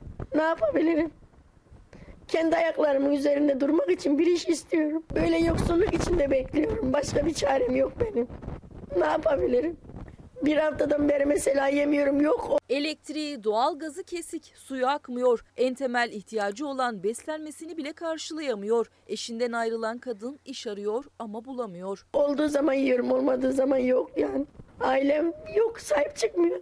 Annem vefat etti, babam da mağdur. Onlar da benden perişan. Güldane Şahin Osmaniye'de yaşıyor. 49 yaşında 3 çocuk annesi. 25 yıllık eşi. Başka birine aşık oldu. Ayrıldılar. Ayrılırken Şahin işsizdi. İş bulamadı. Gelirsiz kaldı. Suyum bile kesik, elektriğim, doğalgazım hiçbir şeyim yok yani. Yapamıyorum, olmuyor. Şimdi çaresiz faturalarını ödeyemiyor, gıda alışverişi yapamıyor, iş de bulamıyor. Bir işe başlayıp hayatına devam etmek istiyor. Şimdi kısa bir reklam arası vereceğiz. Uzun uzun bekletmeyeceğiz sizi sevgili izleyenler. O yüzden ayrılmayın, kaçırırsınız. Sonrasında devam. Günaydın sevgili izleyenler. 31 Aralık sabahından 2022 yılının son Çalar Saat hafta sonu yayınından tekrar günaydın demiş olalım. Hemen yönetmenimden rica edeyim gazeteleri getirsin. EYT ile ilgili bir haberle devam edeceğiz. Biliyorsunuz bugün e, sosyal güvenlik kurumlarının mesaisi devam ediyor. Buna dair kuyruk gazetelere de yansımış. SGK mesai yapıyor demiş Yeni Çağ bugün. EYT'li vatandaşlar eksik günleri için düşük fiyatlı borçlanma için SGK'da kuyruklar oluşturunca kurum bugün de mesai yapacağını duyurdu denmiş. Kurum bugün de mesai yapacağını duyurdu. Kuyruklar geceden başladı uzamaya. Emekli çayı. Emekli çayı, emekli çayı. Abi ben öndeydim yazsana. Bir dakika be kardeşim. Abi yaz ben önce. Dörtte geldim ben ya. İki saattir bekliyorum. ya. Son gününden yararlanmak için erken geldik ve soğukta e, üşümemek için çay demledik, çay içiyoruz. Gecenin bir yarısı Sosyal Güvenlik Kurumu'nun yolunu tuttular, saatlerce beklediler. Üşümemek için soğukta çay bile demlediler. Emeklilikte yaşa takılanlar yeni yıl zammı gelmeden borçlanmasını tamamlamak için gece boyu SGK önlerindeydi. Yalova'da çalışıyorum. Gidişim burada olduğu için asgari borçlanma için geldim. Ve saat 9'da beri buradayım, akşam 9'da beri. Hocam siz ne yapıyorsunuz burada? Burada çocuk işi sıra bekliyorum. Uzaktan geldiği için ben çocuğumun yerine geldim. Şehir dışından gelen de vardı, oğlu için akşamdan sıraya giren de. Bir deftere gelenlerin isimlerini yazarak sıra oluşturuldu, çaylar demlendi. Sabaha kadar SGK önlerinde EYT kuyruğu sürdü. Son gün gelmemin sebebi tabii zamlanacak yeni yılda. Ee, sabah 5'ten beri buradayım. Ee, hem askerlik borçlanması hem Bağkur İhyası yapmak için geldim. Sadece EYT'liler değil, EYT'yi kaçıranlar da durumlarının ne olacağını sormak için saatlerce bekledi. Benim sos- e, sigorta girişim 9 Eylül 99 Bir günle kaybediyorum. Bizim gibiler ne olacak? Buna bir çare var mı? Yeni bir yasa çıkacak mı? Onu öğrenmeye geldim. Bir günle kaybetmek büyük geçmiş olsun diyelim. Bir diğer kuyruk haberine gidelim mi? Ee, gece saatlerinde uzamaya başlayan. O da e, veteriner hekimliklerinin önünde e, uzuyor sevgili izleyenler. Gün boyu gazetesi bu kuyruğu e, ilk sayfaya taşıyanlardan ev hayvanlarına çip takılmasında son gün başlığıyla hatırlatmış durumu. Hadi gelin veteriner hekimlerinin e, muayenehaneleri önüne gidelim. Aslında çip takılması gerektiği yaklaşık iki yıldır bilinen bir gerçek. Ancak maalesef e, hasta sahiplerimiz bu konuda e, olacak mı olmayacak mı ya, e, yasaya yürürlüğe girecek mi girmeyecek mi derken bugünlere kadar beklemişler. Evcil hayvanlara çip takılması gerektiği biliniyordu bilinmesine ama yine de son gün tahmin edilebilir bir görüntü oluştu. 31 Aralık olarak belirlenen yasal sürenin sona ermesine bir gün kala veteriner kliniklerinin önünde sıralar uzadı. Bugün de işten geldim annem haber verdi. Gene 3600 lira cezası varmış. Bir haftadır yaklaşık yoğunluğumuz çok yüksek. 26 Şubat 2018 tarihinde Tarım ve Orman Bakanlığı kedi, köpek ve gelinciklerin kimliklendirilmesini zorunlu kıldı. Kedi ve köpeklerine çip taktırmayı erteleyenler dün gece bile veteriner kliniği önünde sıradaydı. Elimizden geldiği kadar sabaha kadar uyumadan e, mesai saatlerimizi gözetmeksizin çalışıyoruz. Şimdi sırada siyasetin 2022 yılının bitişine son sayarken en çok tartıştığı konu başlığıyla devam edeceğiz sevgili izleyenler. Ee, İBB Başkanı Sayın İmamoğlu ile İçişleri Bakanı Sayın Soylu arasındaki tartışmadan bahsediyorum. Sadece biz bahsetmiyoruz. Gazetelerde bahsediyor. Sözcünün manşeti bugün bu konuyla şekillendi. İmamoğlu'na bu kez de tablo suçlaması demiş bugün Sözcü. Bir, Fatih Türbesi'nin dışında elleri arkada durduğu için hakkında inceleme başlatılmıştı. YSK üyelerine 2, YSK üyelerine ahmak dediği iddiasıyla hapis cezası verilmiş, siyasi yasak getirilmişti. 3. Terör örgütüyle iltisaklı kişileri belediyede işe aldığı iddiasıyla soruşturma açılmıştı. Ve dün Fatih Sultan Mehmet'in tablosunu pahalı aldığı iddiasıyla yeni soruşturma açıldı deniyor. Bu tartışmaya bakacağız. 2022 yılının sonunda en çok tartıştık bu konuyu. Bu siyasi yasak kararıyla tartışma başlığı alevlendi. Ancak sonrasında 2022 yılında siyasette en çok konuştuklarımız neler ona da bakacağız. Şimdiden onun da hatırlatmasını yapayım. Çünkü gün gün e, çok önemli konu başlıklarıyla karşılaşıp gündemi tepe taklak ettiğimiz için senenin başından bu yana neler yaşadığına yaşadığımıza şöyle bir bakınca Neler yaşamışız, neler diyoruz gerçekten. Ona da bakacağız ama önce e, İmamoğlu Soylu tartışmasında gelinen son nokta. Bir şehit yakınına dahi bu haksızlığı, bu hukuksuzluğu yaptığını düşünüyorum. Dediğim gibi madem ki dağa çıkmış bir terörist tutuklayın, alın götürün, şimdi götürün. İçişleri Bakanı Süleyman Soylu ve İstanbul Büyükşehir Belediye Başkanı Ekrem İmamoğlu arasındaki terör soruşturması gerilimi artarak devam ediyor. İmamoğlu, Soylu'nun terörist olduğunu iddia ettiği itfaiyeci için madem terörist o zaman tutuklayın diyerek ses yükseltti. Haksızlık yapıldığını söyledi. Bir şehit yakınına haksızlık yapıldığını düşünüyorum. Gerekçesi ne? Dağa çıkmış bir terörist dediğiniz insan elini kolunu sallaya sallaya İstanbul'da niye dolaşıyoruz? Elimde imkan olsa ihraç ederdim. Hiç kimseye bakmazdım. Bu dediğinize evinizdeki insanlar, çoluğunuz, çocuğunuz, eşiniz, aileniz inanmaz.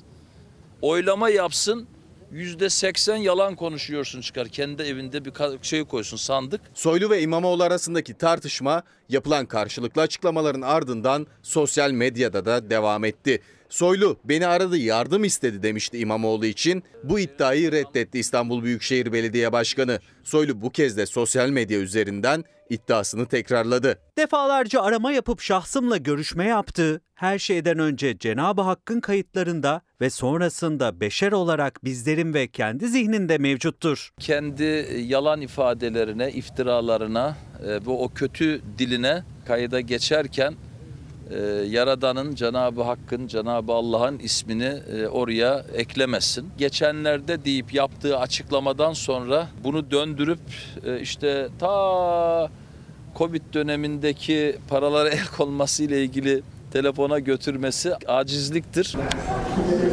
Tartışmalar sürerken bir inceleme haberi daha geldi. İçişleri Bakanlığı İBB'nin 2020 yılında Londra'daki bir müzayedede satın aldığı Fatih Sultan Mehmet tablosuyla ilgili ikinci kez inceleme başlattı. İmamoğlu müfettiş üzerinden incelemeye tepki gösterdi. Kendisini AK Parti militanı olarak tariflediğim Sayın Müfettiş öyle bir gaza geldi ki kendinin e, kendisinin militanlık görevini daha üst seviyeye nasıl taşırım çabası içinde olduğunu görüyorum. Uyarıyorum.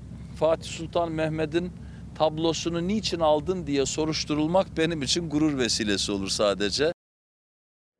Son günlerde gün gün takip ettiğimiz siyasi tartışma başlığı buydu.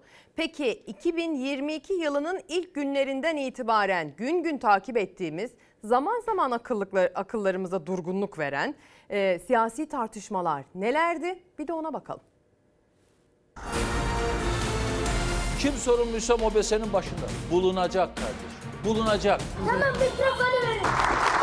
Bu bir direniştir. 2022 yılı siyasetin fırtınalı yılıydı. Seçim atmosferine girerken polemikten polemiğe, tartışmadan tartışmaya savruldu siyaset arenası. Yeri geldi, sesler yükseldi, yeri geldi, tansiyon. Hiç kusura bakmayın. Bizim ne alnımızda ayıp var ne de koltuğumuzun altında ağaç var ağaç. Ağaç var koltuğumuzun altında. Yıl kar fırtınasının ortasındaki İstanbul'da Büyükşehir Belediye Başkanı İmamoğlu'nun MOBESE tartışmasıyla başladı. Karın bastırdığı akşam Ekrem İmamoğlu'nun İngiliz Büyükelçisiyle görüşmesine ilişkin MOBESE kaydı servis edildi. Polemikler sürdü gitti. Bizim bu görevlere getirdiğimiz arkadaşlar böyle bir zamanda balıkçı restoranına gidip orada kafayı bulmaz. Biz bir defa bu tür insanlarla yürümeyiz. Yediğimiz yemeğin hala konuşulması o sadece boş işleri olan insanların işi. Ekrem İmamoğlu aşağı, Ekrem İmamoğlu yukarı. Başka dertleri yok. Çünkü İstanbul canlarını çok yaktı. Ama esas ciddi tarafı MOBESE meselesidir. Kişisel hayata müdahale meselesidir. Sayın İmamoğlu bu MOBESE tartışmaları ile ilgili olarak neden sessizlik korunuyor? Bununla ilgili gereken herkes hesap verecek şeklinde bir açıklamada bulundu. Nasıl değerlendiriyorsunuz? Ocak ayında Cumhurbaşkanı Recep Tayyip Erdoğan Trabzon mitinginde bir çocuğu sahneye çağırmış, çocuk CHP lideri Kılıçdaroğlu için hakaretler ederken protokolün gülüşmeleri yansımıştı kameralara. Bu olay siyasette nezaket tartışmalarını alevlendirdi. Bizim korumalar nerede korumalar? Rümeysa şu çocuğu alsana. Ulan mikrofonlar. Tamam mikrofonu verin. O çocuğun, o güzel evladımızın hiçbir kabahati yok. Kabahat onun tepesinde duran kişide. 2022 gece yarısı kararnameleriyle bakanların, bürokratların değiştiği yıl oldu. Ocak ayında bir gece yarısı Adalet Bakanlığı koltuğundaki Abdülhamit Gül görevinden affını isteği verdi. Yerine Bekir Bozdağ geldi. Yargının anayasadan, kanundan başka hiçbir yerden, hiçbir kişiden, kurumdan, merciden emir almayacağı hususundaki bu anlayışı ortaya koydu. Görevden affımızla ilişkin takdirleriyle Sayın Cumhurbaşkanımıza şükranlarımı arz ediyorum. Şubat ayı fahiş elektrik zamlarıyla geldi. Vatandaş isyan ederken bir isyan sesi de CHP liderinden yükseldi. Kılıçdaroğlu Cumhurbaşkanı Erdoğan'a 31 Aralık'ta yapılan fahiş elektrik zammını geri alma çağrısı yaptı. O zamana kadar fatura ödemeyeceğim dedi. Nisan ayında elektrikleri kesilecek ve Kılıçdaroğlu çifti protesto için bir hafta elektriksiz kalacaktı. 4 milyona yakın abonenin elektriği kesilmiş Türkiye'de. Onların sesi duyulsun diye bu yola girdi. Bu bir direniştir. Şubat'ın en önemli siyasi hamlesi ise kuşkusuz altılı masa oldu. CHP lideri Kemal Kılıçdaroğlu'nun daveti üzerine İyi Parti Genel Başkanı Meral Akşener, Saadet Partisi Genel Başkanı Temel Karamollaoğlu, Demokrat Parti Genel Başkanı Gültekin Uysal, Deva Partisi Genel Başkanı Ali Babacan ve Gelecek Partisi Genel Başkanı Ahmet Davutoğlu ortak muhalif bir duruş noktasında birleşti.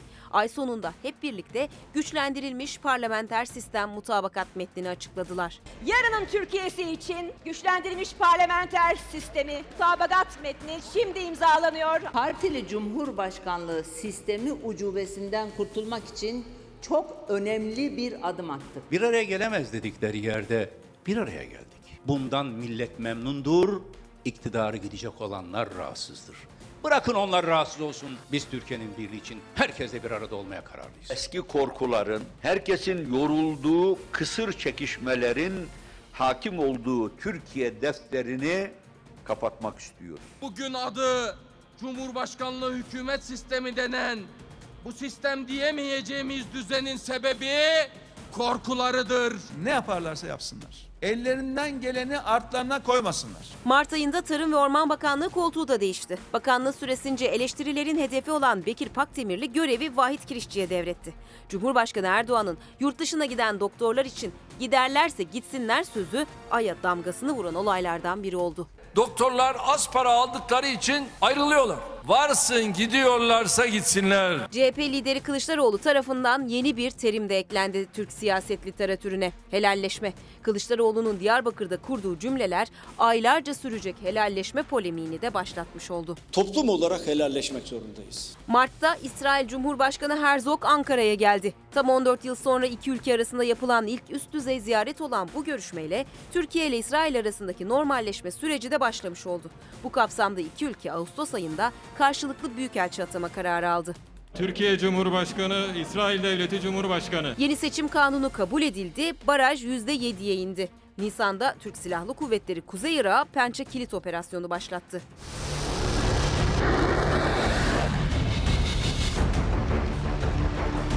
Dünya, Rusya ve Ukrayna arasındaki savaşın rüzgarıyla sarsılırken Türkiye barış görüşmelerinde aktif rol üstlendi.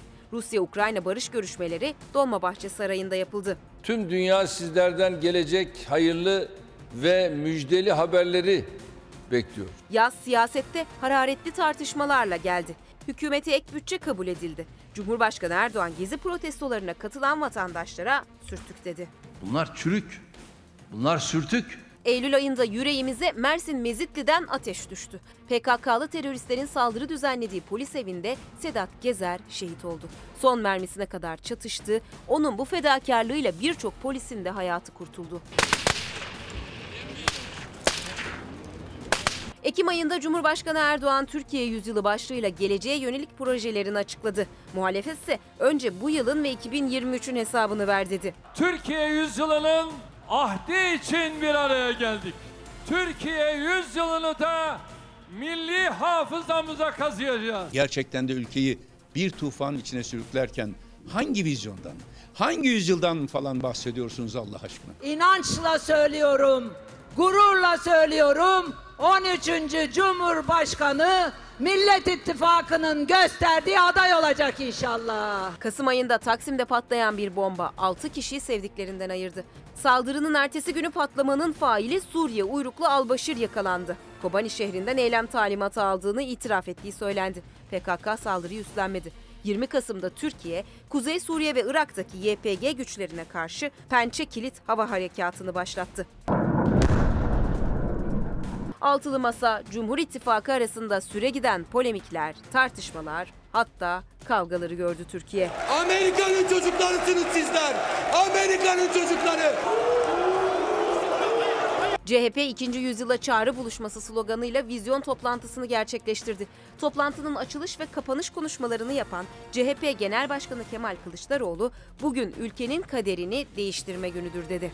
Başlıyoruz, başlıyoruz, başlıyoruz. Aralık ayında ise Türkiye 6 yaşında çocuğa cinsel istismar utancını ve cemaatleri konuştu en çok. 6 yaşındayken imam nikahıyla evlendirildiğini iddia eden HKG'nin uzun süren adalet mücadelesinin sonucunda dava açıldı. 6 yaşındaki çocuğa istismarda bulunduğu iddia edilen Yılbaşında olduğu gibi sonunda da siyaseten en sert tartışma İBB Başkanı İmamoğlu hakkında oldu. İmamoğlu'nun YSK üyelerine hakaret ettiği gerekçesiyle yargılandığı davadan 2 yıl 7 ay 15 günlük hapis cezası ve siyasi yasak kararı çıktı. Muhalefet cephesi de karıştı, iktidar cephesi de. Siyasi oyun mu, iktidarın hatası mı, kumpas mı derken tartışma İçişleri Bakanı Süleyman Soylu'nun da dahil olmasıyla başka bir boyuta taşındı. İmamoğlu hakkında terör soruşturması başlatıldı. Bundan belli bir süre önce İmamoğlu bizatihi saygılarını sunarak beni aramıştır. İspat etmezse istifa etmesi konusunda beyanda bulundum ama bir başka yol daha var. Sayın Cumhurbaşkanı'nın onu görevinden alması. Öznur Turalıoğlu Seyhan hazırladı. Handan Odacı kurgusunu gerçekleştirdi. Az evvelki siyaset başlığındaki 2022 derlemesinde ise Mahmut Özgün Erdal Subaşı emek sarf etmişlerdi. Onları da anmadan geçmek istemem sevgili izleyenler. Tabii siyasette pek çok konu başlığında tansiyon çok yüksekti 2022 yılında ama e, siyasetin de en büyük gündem maddelerinden biri ekonomiydi. Ekonominin tablosunu ortaya koyan bir kuyruk haberiyle devam edeceğiz. Böyle kuyruklardan gittik bu blokta. Yeni Çağ gazetesi de ilk sayfasından aktarıyor. Emekliler ucuz et kuyruğunda başlığıyla. Et ve Süt Kurumu önünde sabahın erken saatlerinde ucuz et alabilmek için bekleyen emekliler yaşadıkları perişanlığa isyan ediyorlar. Şimdi o isyanlara kulak vereceğiz.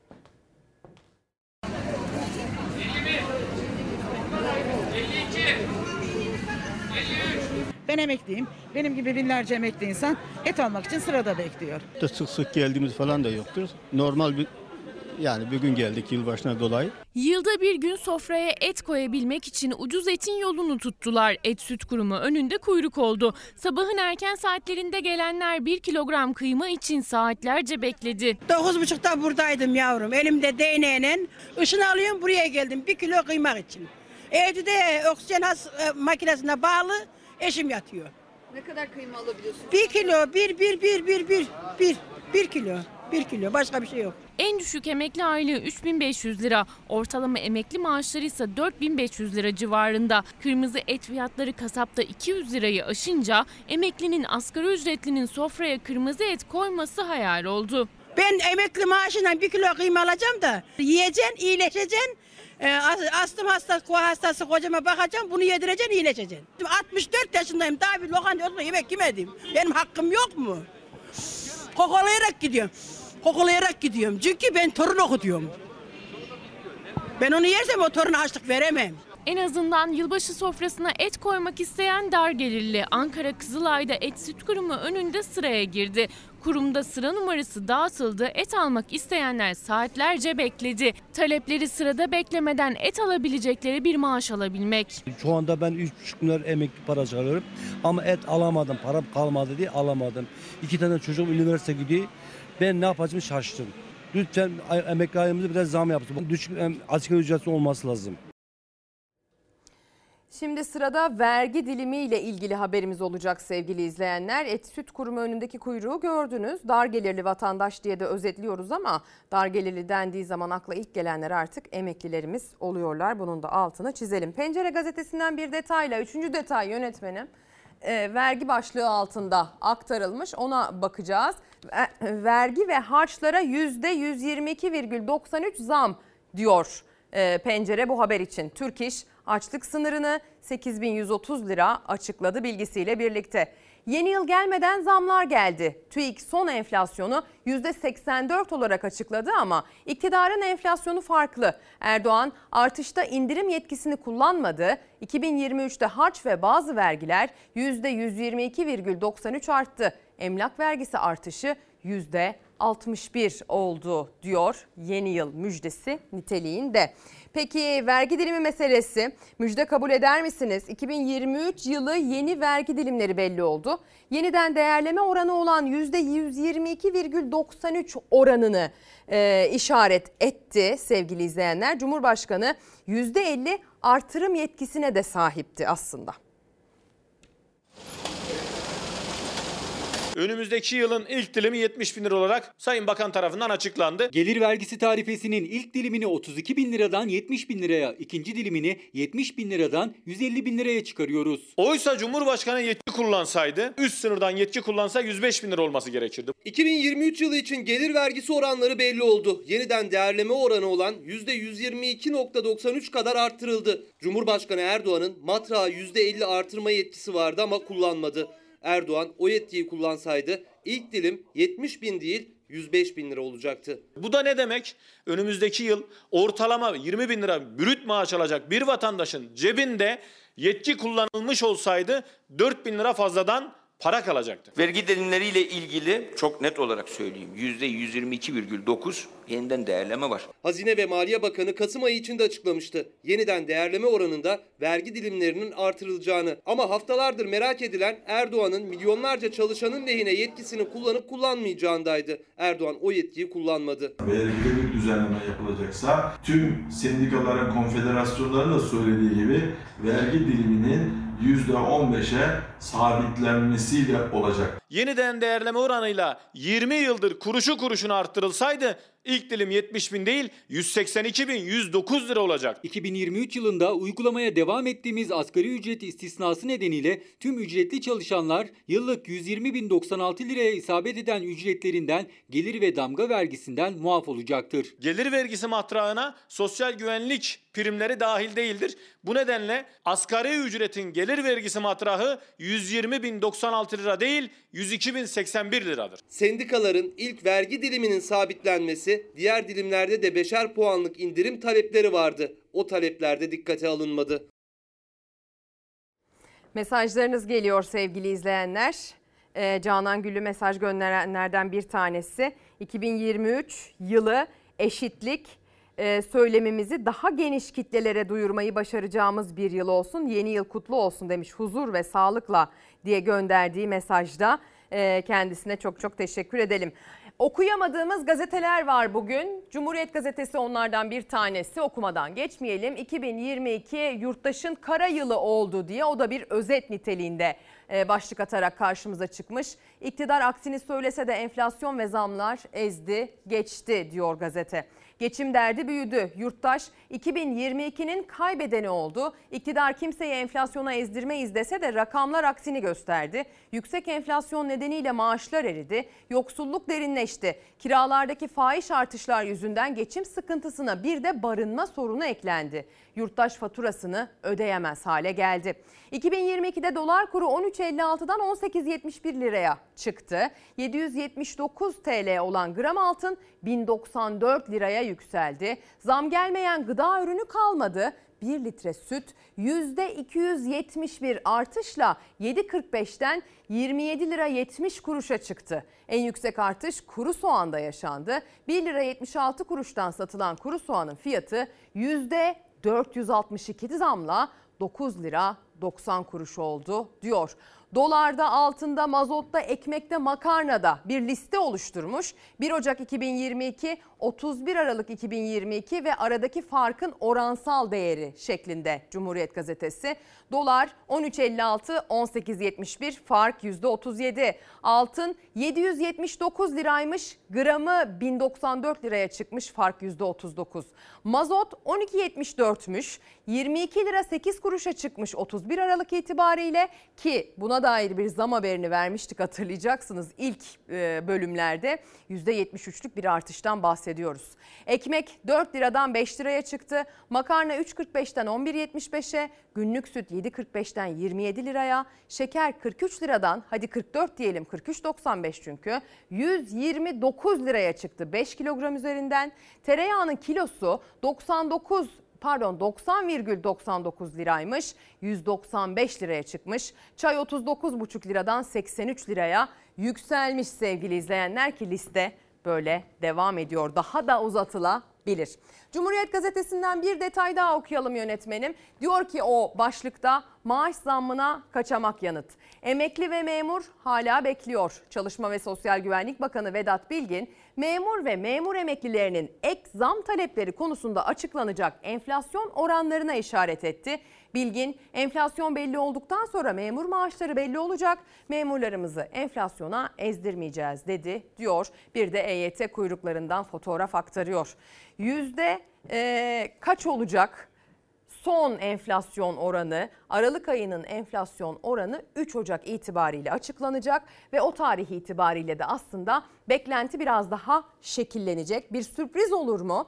Kesenin ağzı, bu konuda da açılır mı? Bakacağız. EYT konusunda kesenin ağzı açıldı. Sabahtan itibaren aktardığımız haberlerde hep vurguladık. Demokratik hakların e, kazanımıdır efendim. Demokrasi yoluyla yapılmış örgütlü mücadelenin bir kazanımıdır. EYT'de gelinen son nokta. Zamanı ne zaman bu kazanımın sağlandığı e, yani yönetenlerin hangi dönemde bu konuya ikna olduğu anlamlıdır. Şimdi orta sayfaya çevireceğiz kameralarımızı. Dün geç saatlerde yayınlandı. Belki sabah erken kalkanlar izlememiştir. Orta sayfa EYT konusuna tabii ki özel bir yer ayırdı. Ee, Doğan Şentürk yönetimindeki deneyimli gazeteciler bakın EYT konusunda nelerden bahsetti. EYT tamam. Şimdi gözler memur ve emeklilerin zam oranlarında. Onların beklentisi karşılanır mı? Bunu Asumar Alman'a soralım. Yaklaşık 2 milyon 250 bin vatandaşımız da emekli olma hakkına kavuşuyor. Kim demiş ki olmaz diye? Yeter ki sen candan iste. Bir ışık ver gözlerime. Ötesini hiç düşünme. Yaş geliyor evet. Her konuda ve her zaman olduğu gibi. Bu düzenlemeyi de milletimiz için yapıyor, milletimize adıyoruz. Böyle bir yükü milletimizin sırtına bindirmeye hakkımız var mı diye bunu ben milletime soruyorum. Olur olur Fal gibi olur Kalplerimiz yolları bulur Her halükarda çok şükür olacak. Durmuş bir EYP, erken emeklilik, milletimin ve ülkemin zararına olan bir şeye asla yok. Seçim kaybetsek de yok. Erken emekli olacak. Ondan sonra ne olacak? Gidecek kendine göre başka bir işte de çalışmaya devam edecek. Çift dikiş. Buna adalet denmez. Emekli olanların en azından bir kısmının çalışmaya devam edeceklerini biliyoruz. Emeklilikte yaşı bekleyenler hak sahiplerine hayırlı olmasını diliyorum. Net asgari ücret 2023 yılında 8500 lira olarak mutabık kaldı. Memur ve emekli maaş artışlarını da yine bu yaklaşımla yapacağız. Fal gibi olur Akan sular sularda Bay Kemal gibi cevap verirsek sildim gittim der. Erdoğan gibi cevap verirsem ben 82 milyonun hakkının olduğu parayı korumak uğruna bunu vermem lazım. Kredi geri ödemelerinin herhangi bir enflasyon farkı veya faiz uygulaması olmaksızın sadece alınan kredi rakamı üzerinden yapılmasını kararlaştırdım. Kim demiş ki olmaz diye Hadi sıkıyorsa gel bu işi referanduma götürelim. Prensip olarak temel hak ve özgürlüklerle ilgili konuların halk oylamasına götürülmesini doğru buluyorum. Olur olur Fal gibi olur Bizim de Rabia'mız var. Sisi denilen kişi bir zalimdir. Ey katil Esed! Esed devlet terörü estirmiş aslında bir teröristtir. Sular sularda durur MİT Başkanımız Sayın Hakan Fidan'la beraber buraya geldik. Rusya ve Suriye Savunma Bakanları ve İstihbarat Başkanı'yla beraber bir toplantı yaptık. Bir düşün sen düşün yine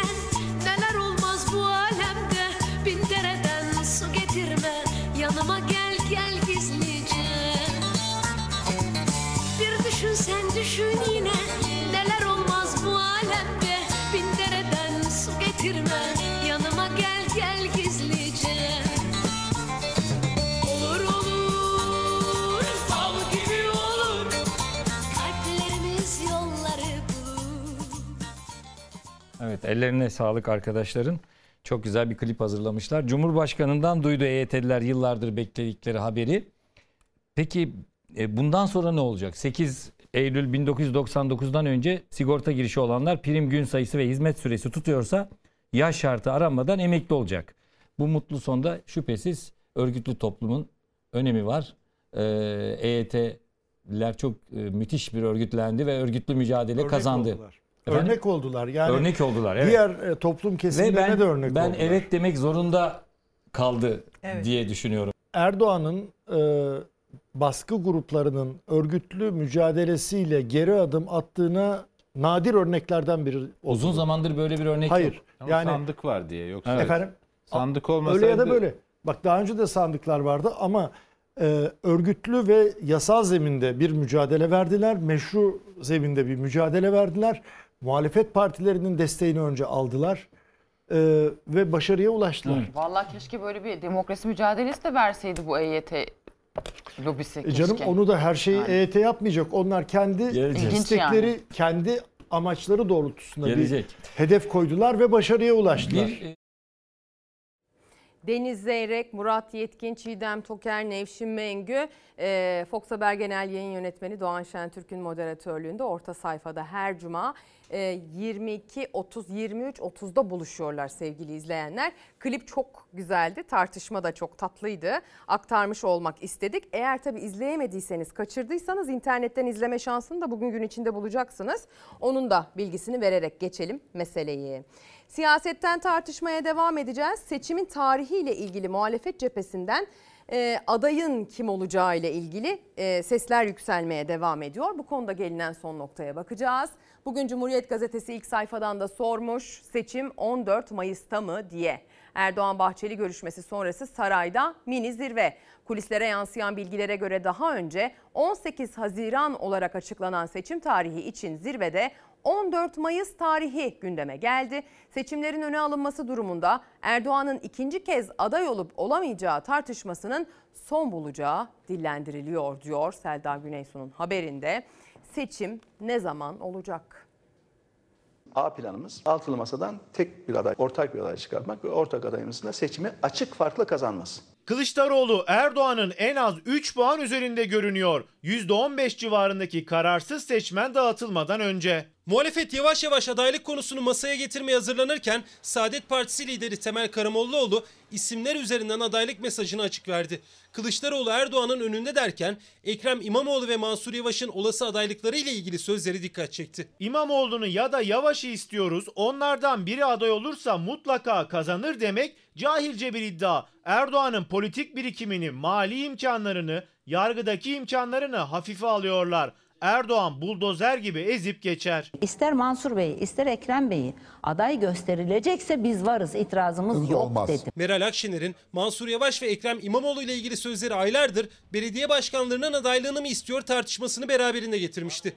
Habertürk'ten Nihal Bengüsü Karaca'ya konuşan Temel Karamollaoğlu belediye başkanlarının olası adaylıklarına karşı duruşunu net dile getirdi. Bugün itibariyle hiçbir isimle ilgili olumlu ya da olumsuz bir görüş biz zikretmiyoruz biliyorsunuz. Prensip olarak altılı masanın ortak adayı Türkiye Cumhuriyeti'nin 13.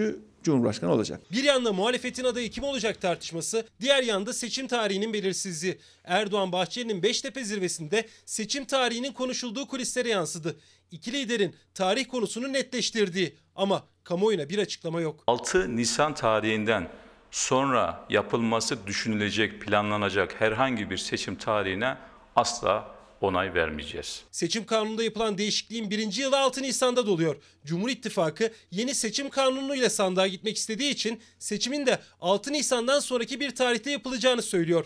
Muhalefet ise o tarihten sonraki bir seçim için mecliste destek vermeyeceğini, seçim ya normal tarihi olan 18 Haziran haftasında yapılacak ya da Cumhurbaşkanı Erdoğan seçim kararı alma yetkisini kullanacak.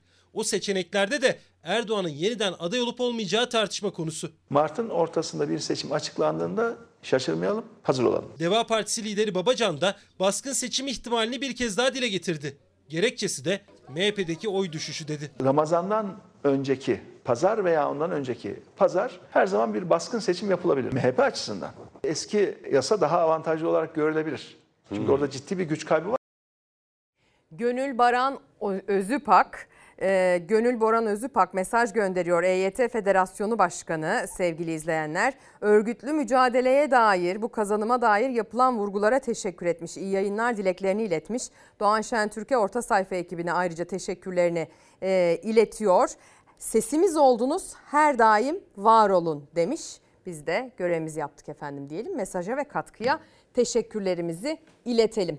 Şimdi gazetelerle devam edeceğiz. Sonrasında da promosyon meselesine bakacağız değil mi yönetmenim?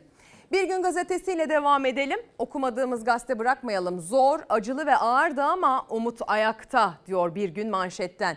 AKP iktidarı 2022'yi seçime hazırlık olarak geçirdi. İktidarın uygulamaları başta kadınlar ve emekçiler için yıkım oldu. Baskı ve zorbalıksa hiç bitmedi diyor. Bakın kadınlar ve emekçiler için yıkım oldu demişken ara vereceğim gazeteyi okumaya. Canan Güllü'nün mesajını e, da okumuş olmak isterim açıkçası.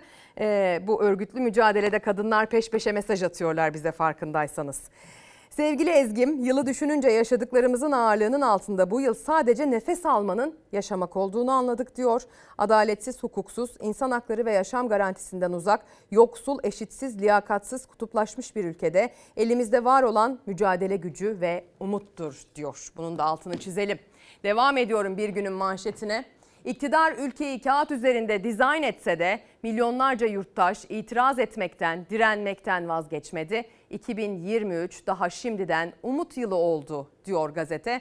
Zor, acılı ve ağırdı ama umut ayakta başlığının altında. Devam edelim. Promosyonlarınızı alabildiniz mi? Hani e, neler yaşadık bu yıl dedik ya başlığımıza. Bu yaşadıklarınızın arasında var mıydı?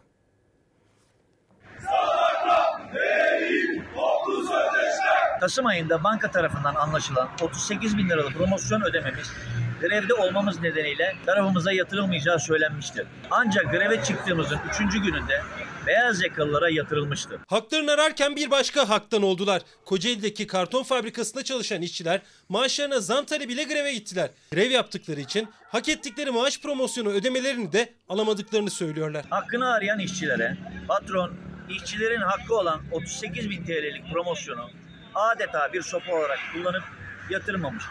Selüloz İş Sendikası'na bağlı işçilerle işveren arasında 6 aydır toplu iş sözleşmesi görüşmeleri devam ediyor. İşçiler maaşlarına %50, sosyal haklarına da %50-200 arasında zam yapılmasını istiyor. İşverense maaşlara %90, sosyal haklara ise %80 zam teklif etti. Ücretlerimiz 6767 TL'ye ortalama ücrettir. Çalışan arkadaşlar çocuğuna bir çikolata alırken düşünür oldular. Son açıklanan asgari ücretin altında çalışan arkadaşlarımız var. örgütlenen işçileri iş yerinden atmaya kadar uzanan girişimler var. Bunlar bana ulaştığı zaman sendikanın kimliğine hiç bakmam. Patronunu ararım, arattırırım. Çalışma Bakanı Vedat Bilgin örgütlenmenin önemine bu cümlelerle dikkat çekmişti. İzmit'teki grevdeki işçiler hak ettikleri banka promosyonunun da kendilerine verilmediğini söyledi. Grevde oldukları için. Biz greve çıktıktan iki gün sonra içerideki beyaz yaka arkadaşlarımın tamamına 38 bin liralık promosyon yatmıştır. İşçiler istedikleri zam oranını alabilmek için sendikal hakları olan grevlerini sürdürüyorlar. Bir başka hakları olan promosyonun da yatırılmasını istiyorlar. Mücadele ediyorlar hakları için ve e, bu mücadelenin süreceğine de vurgu yapıyorlar. Promosyon konusunda biliyorsunuz Selçuk Tepeli e, çok ciddi bir kampanya yönetiyor Fox Haber, e, Fox Ana Haber e, ekranlarında. E, eğer siz de alabildiyseniz biz bu konunun üzerine düşmeye devam ediyoruz. E, bunu bize bildirin şeklinde Selçuk Tepeli'ye bildirmeyi unutmayınız efendim eğer aldıysanız. Şimdi devam edelim Bursa'ya doğru gideceğiz. Malum dün günlerden cumaydı. Cuma namazı çıkışında o e, ne yeri ne zamanı hiç olayla bütünleşmeyen bir durum yaşandı maalesef. İzleyelim. Cuma namazı sonrası cami karıştı. Silahlı saldırıya uğrayan adam hayatını kaybetti. Ona saldıran çocuk gözaltına alındı. 65 yaşındaki Cafer Aydın cuma namazı için Bursa'da camideydi. O namaz kılarken aralarında husumet bulunan 17 yaşındaki AI de cami çıkışında onu bekliyordu. Çıkar çıkmaz tabancasını çıkardı, 6 el ateş etti. Aydın bacağından ve göğsünden ağır yaralandı. Kaldırıldığı hastanede hayatını kaybetti. Kaçan saldırgan AI camiden 800 metre ileride bulunan otluk alanda yakalandı. Soruşturma sürüyor.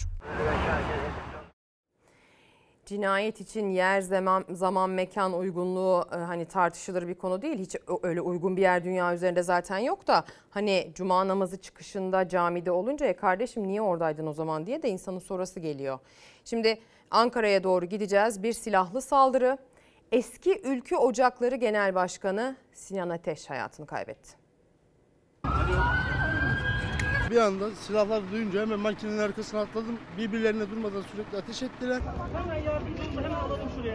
Eski Ülke Ocakları Genel Başkanı Sinan Ateş Ankara'nın göbeğinde güpe gündüz uğradığı silahlı saldırıda hayatını kaybetti. CHP lideri Kılıçdaroğlu sokakları karıştırmak istiyorlar dedi. Uğradığı silahlı saldırı sonucu hayatını kaybeden Ülke Ocakları eski genel başkanı Sinan Ateş'e Allah'tan rahmet, ailesine, dostlarına başsağlığı diliyorum. Devlet bu cinayeti tümüyle aydınlatmalıdır. Sokakları karıştırmak isteyenlerin oyunlarına düşülmemelidir. Sinan Ateş MHP Genel Sekreteri de olan İsmet Büyükataman'ın bir süre danışmanlığını yaptı. 2019 yılında Ülke Ocakları Genel Başkanı oldu. Sözün sahibine bilge liderimiz Sayın Devlet Bahçeli'ye arz ediyorum. 2020 yılında Bahçeli'nin isteğiyle Ülke Ocakları Genel Başkanlığı görevini bıraktı. Hacettepe Üniversitesi'nde tarih bölümünde öğretim görevlisi olarak çalışıyordu. Bizim tavrımız da duruşumuz da nettir. Yetiştiğimiz ocak ülke ocakları. Partimiz MHP'dir. Sosyal medyadaki son paylaşımlarından birinde Ülke Ocakları'na MHP'ye bağlılığının altını çizmişti. Saatler sonra Ankara Çukurambar Mahallesi'nde sokak ortasında silahlı saldırıya uğradı.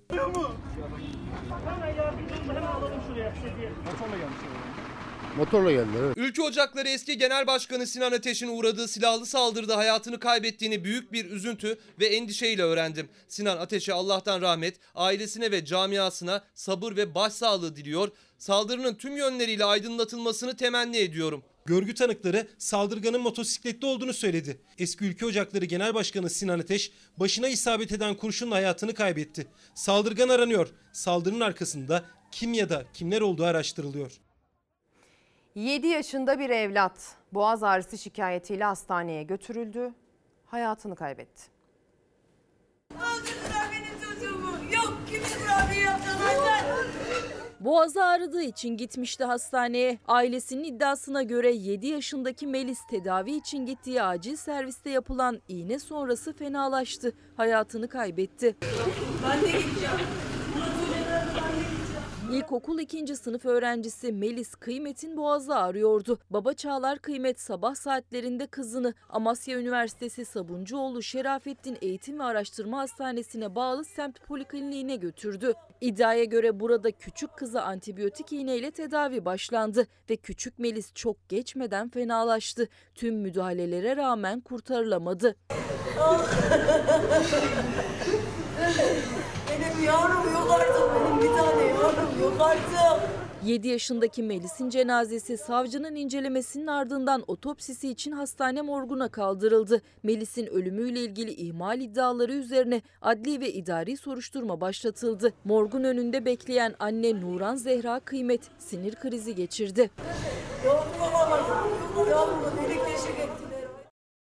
Başsağlığı dileyelim, sabır dileyelim sevgili izleyenler. 2022 yılı içerisinde kaybettiklerimizle devam edeceğiz. Çok e, duayen isimler, usta oyuncular, e, bir neslin aklına kazınmış, hayatına dokunmuş, yaşamına etki etmiş isimlere 2022 yılında maalesef veda ettik. Kendimden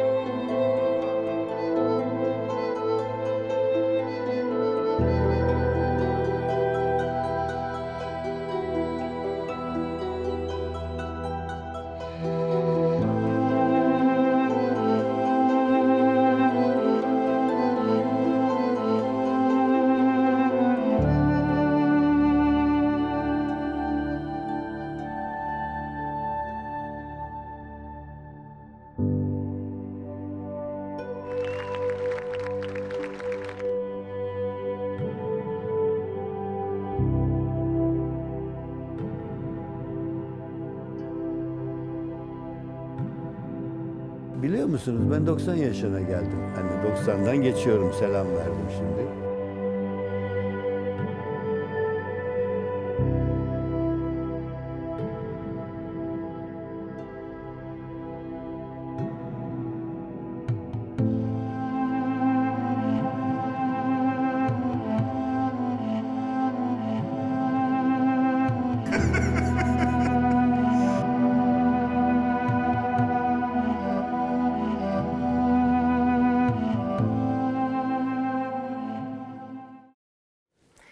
Çok isme veda ettik önemli isimlere. Akılda en çok kalanlar e, böyleydi sevgili izleyenler. Şimdi bu 2022 yılının son yayını bir daha görüştüğümüzde yeni bir yıla başlıyor olacağız. O da yarın sabah olacak çok uzak bir tarih değil. Ama bu akşamı nasıl geçireceğiz? Son saydığımız dakikaları nasıl geçireceğiz? Çoğumuz evde olacağız. Öyle görünüyor. Peki sofralar nasıl donatılacak? Ee, çok yemenin zararı olur mu? Neyi ne kadar yemek lazım? Bir kulak verelim. En iyi atıştırmalığımız bizim meyveler ve kuru yemişler. Cips gibi, çikolata gibi işlenmiş ürünleri tercih edebiliyorlar. Bunları kesinlikle önermiyoruz. Akşam herkesin bütçesine göre sofralar kurulacak. Aileler, arkadaşlar o sofraların başında bir araya gelecek. Ama ana yemek, tatlı, atıştırmalık derken yılbaşı gecesinin sağlıksız bir geceye geçmemesi konusunda uyarıyor uzmanlar. Bu sabaha iyi bir kahvaltıyla başlamak gerekiyor beslenme uzmanlarına göre. Günü hafif geçirmek, akşam yemeğinde de çorba ile başlangıç yapmak. Yılbaşı akşamına öncelikle sıcak bir çorbayla, sebze çorbasıyla başlayabiliriz. Çorba tüketimi tokluk hissinin daha erken oluşmasına yardımcı olacaktır. Soğuk başlangıçlarda ise kızartılarak yapılmış şakşuka veya mayonezle yapılmış Rus salatası gibi daha yağlı başlangıçlar yerine sebzelerle, yoğurtla veya peynirle yapılmış yağ oranı daha düşük olan başlangıçların tercih edilmesini öneriyoruz. Yılbaşı sofralarında gelenek haline gelen hindi de sağlıklı bir tercih. Hindi sağlıklı bir tercihtir. B grubu vitaminler, iyi kalitede protein, fosfor ve demir açısından zengindir. Kırmızı ete göre daha az yağ ve kolesterol içerir. Hindi tüketmeyenler için de tavuk etini veya balık etini öneriyoruz. Ana yemek kadar farkında olmadan yenilen yemekler de önemli. Mutlaka ana yemeğin yanında mevsim yeşilliklerinden hazırlanmış bir kase salatanın olmasını istiyoruz. Karnabahar, brokoli, brüksel lahanası gibi kış sebzelerinden hazırlanmış, fırınlanmış e, veya haşlanmış garnitürün olmasını istiyoruz. E, Yılbaşı yemeğinde iç pilav, pirinç pilavı veya makarna çok fazla tercih ediliyor fakat bunların tüketilmesini önermiyoruz. Bunun yerine bulgur pilavı tercih edilebilir. Ve tatlı yeni yıla güzel bir başlangıç için onu da abartmamak gerekiyor. Şerbetli ve hamurlu tatlıların tüketimini önermiyoruz. Onun yerine daha hafif tatlılar, meyve tatlıları tercih edilebilir. Örneğin cevizli kabak tatlısı olabilir, kaymaksız ayva tatlısı olabilir. Her ne kadar sağlıklı tercihler yapılsa da yılbaşı akşamı normalden fazla yenilen evlerde yeni yılın ilk gününe hafif geçmek gerekiyor. Yatmadan 2 saat önce de yeme işlemi mutlaka sonlandırılmalıdır. Ertesi güne mutlaka sağlıklı ve zinde başlamak istiyorsak hafif bir kahvaltıyla başlamamız gerekir. Mesajlar geliyor. Twitter'a da bakalım biraz sevgili izleyenler. Çırak mağduru bir izleyicimiz sayın büyüklerim diye yönetenlere seslenmiş. Muhalefetin liderlerine seslenmiş. Çırak mağduruyum. Benim e, yanımdaki arkadaşlar benden küçük. Benim primden az primi var. O emekli oluyor. Ben 15 sene bekliyorum. Allah kabul eder mi diye sormuş. Arkeologlar çok komik oranlarda açılan e, kadrolardan bahsediyorlar. 20-30 kişilik komik alımlara karşı e, bu sene e, yüksek kontenjanlı alım istediklerini söylüyorlar. Öğretmenler ekran başında troll dendi, çapulcu, manipülatör, fakir, fakir fukara dendi. 180 saat eğitim dediler. Öğretmen bursluluk sınavı dediler. Düz, uzman, baş öğretmen diye böldüler. Açlığa mahkum ettiler. Hak istemeyi saçma buldular. Neler yaşadık diyor bir izleyicimiz. Memura %100 zam şart başlığının altında. Bir başka izleyicimiz ise EYT'li mücadele bitmedi vurgusu yapıyor Yeşim Koçay. Yıllarca sahada sosyal medyada mücadele eden EYT'lilerin beklentisi devam ediyor. Neler yaşadık anlatılmaz yaşanır. Resmi gazeteyi bekliyoruz. EYT resmi gazeteyi bekliyor başlığı altında gönderilmiş mesaj. Şimdi reklam sonra son bir veda için karşınızda olacağız.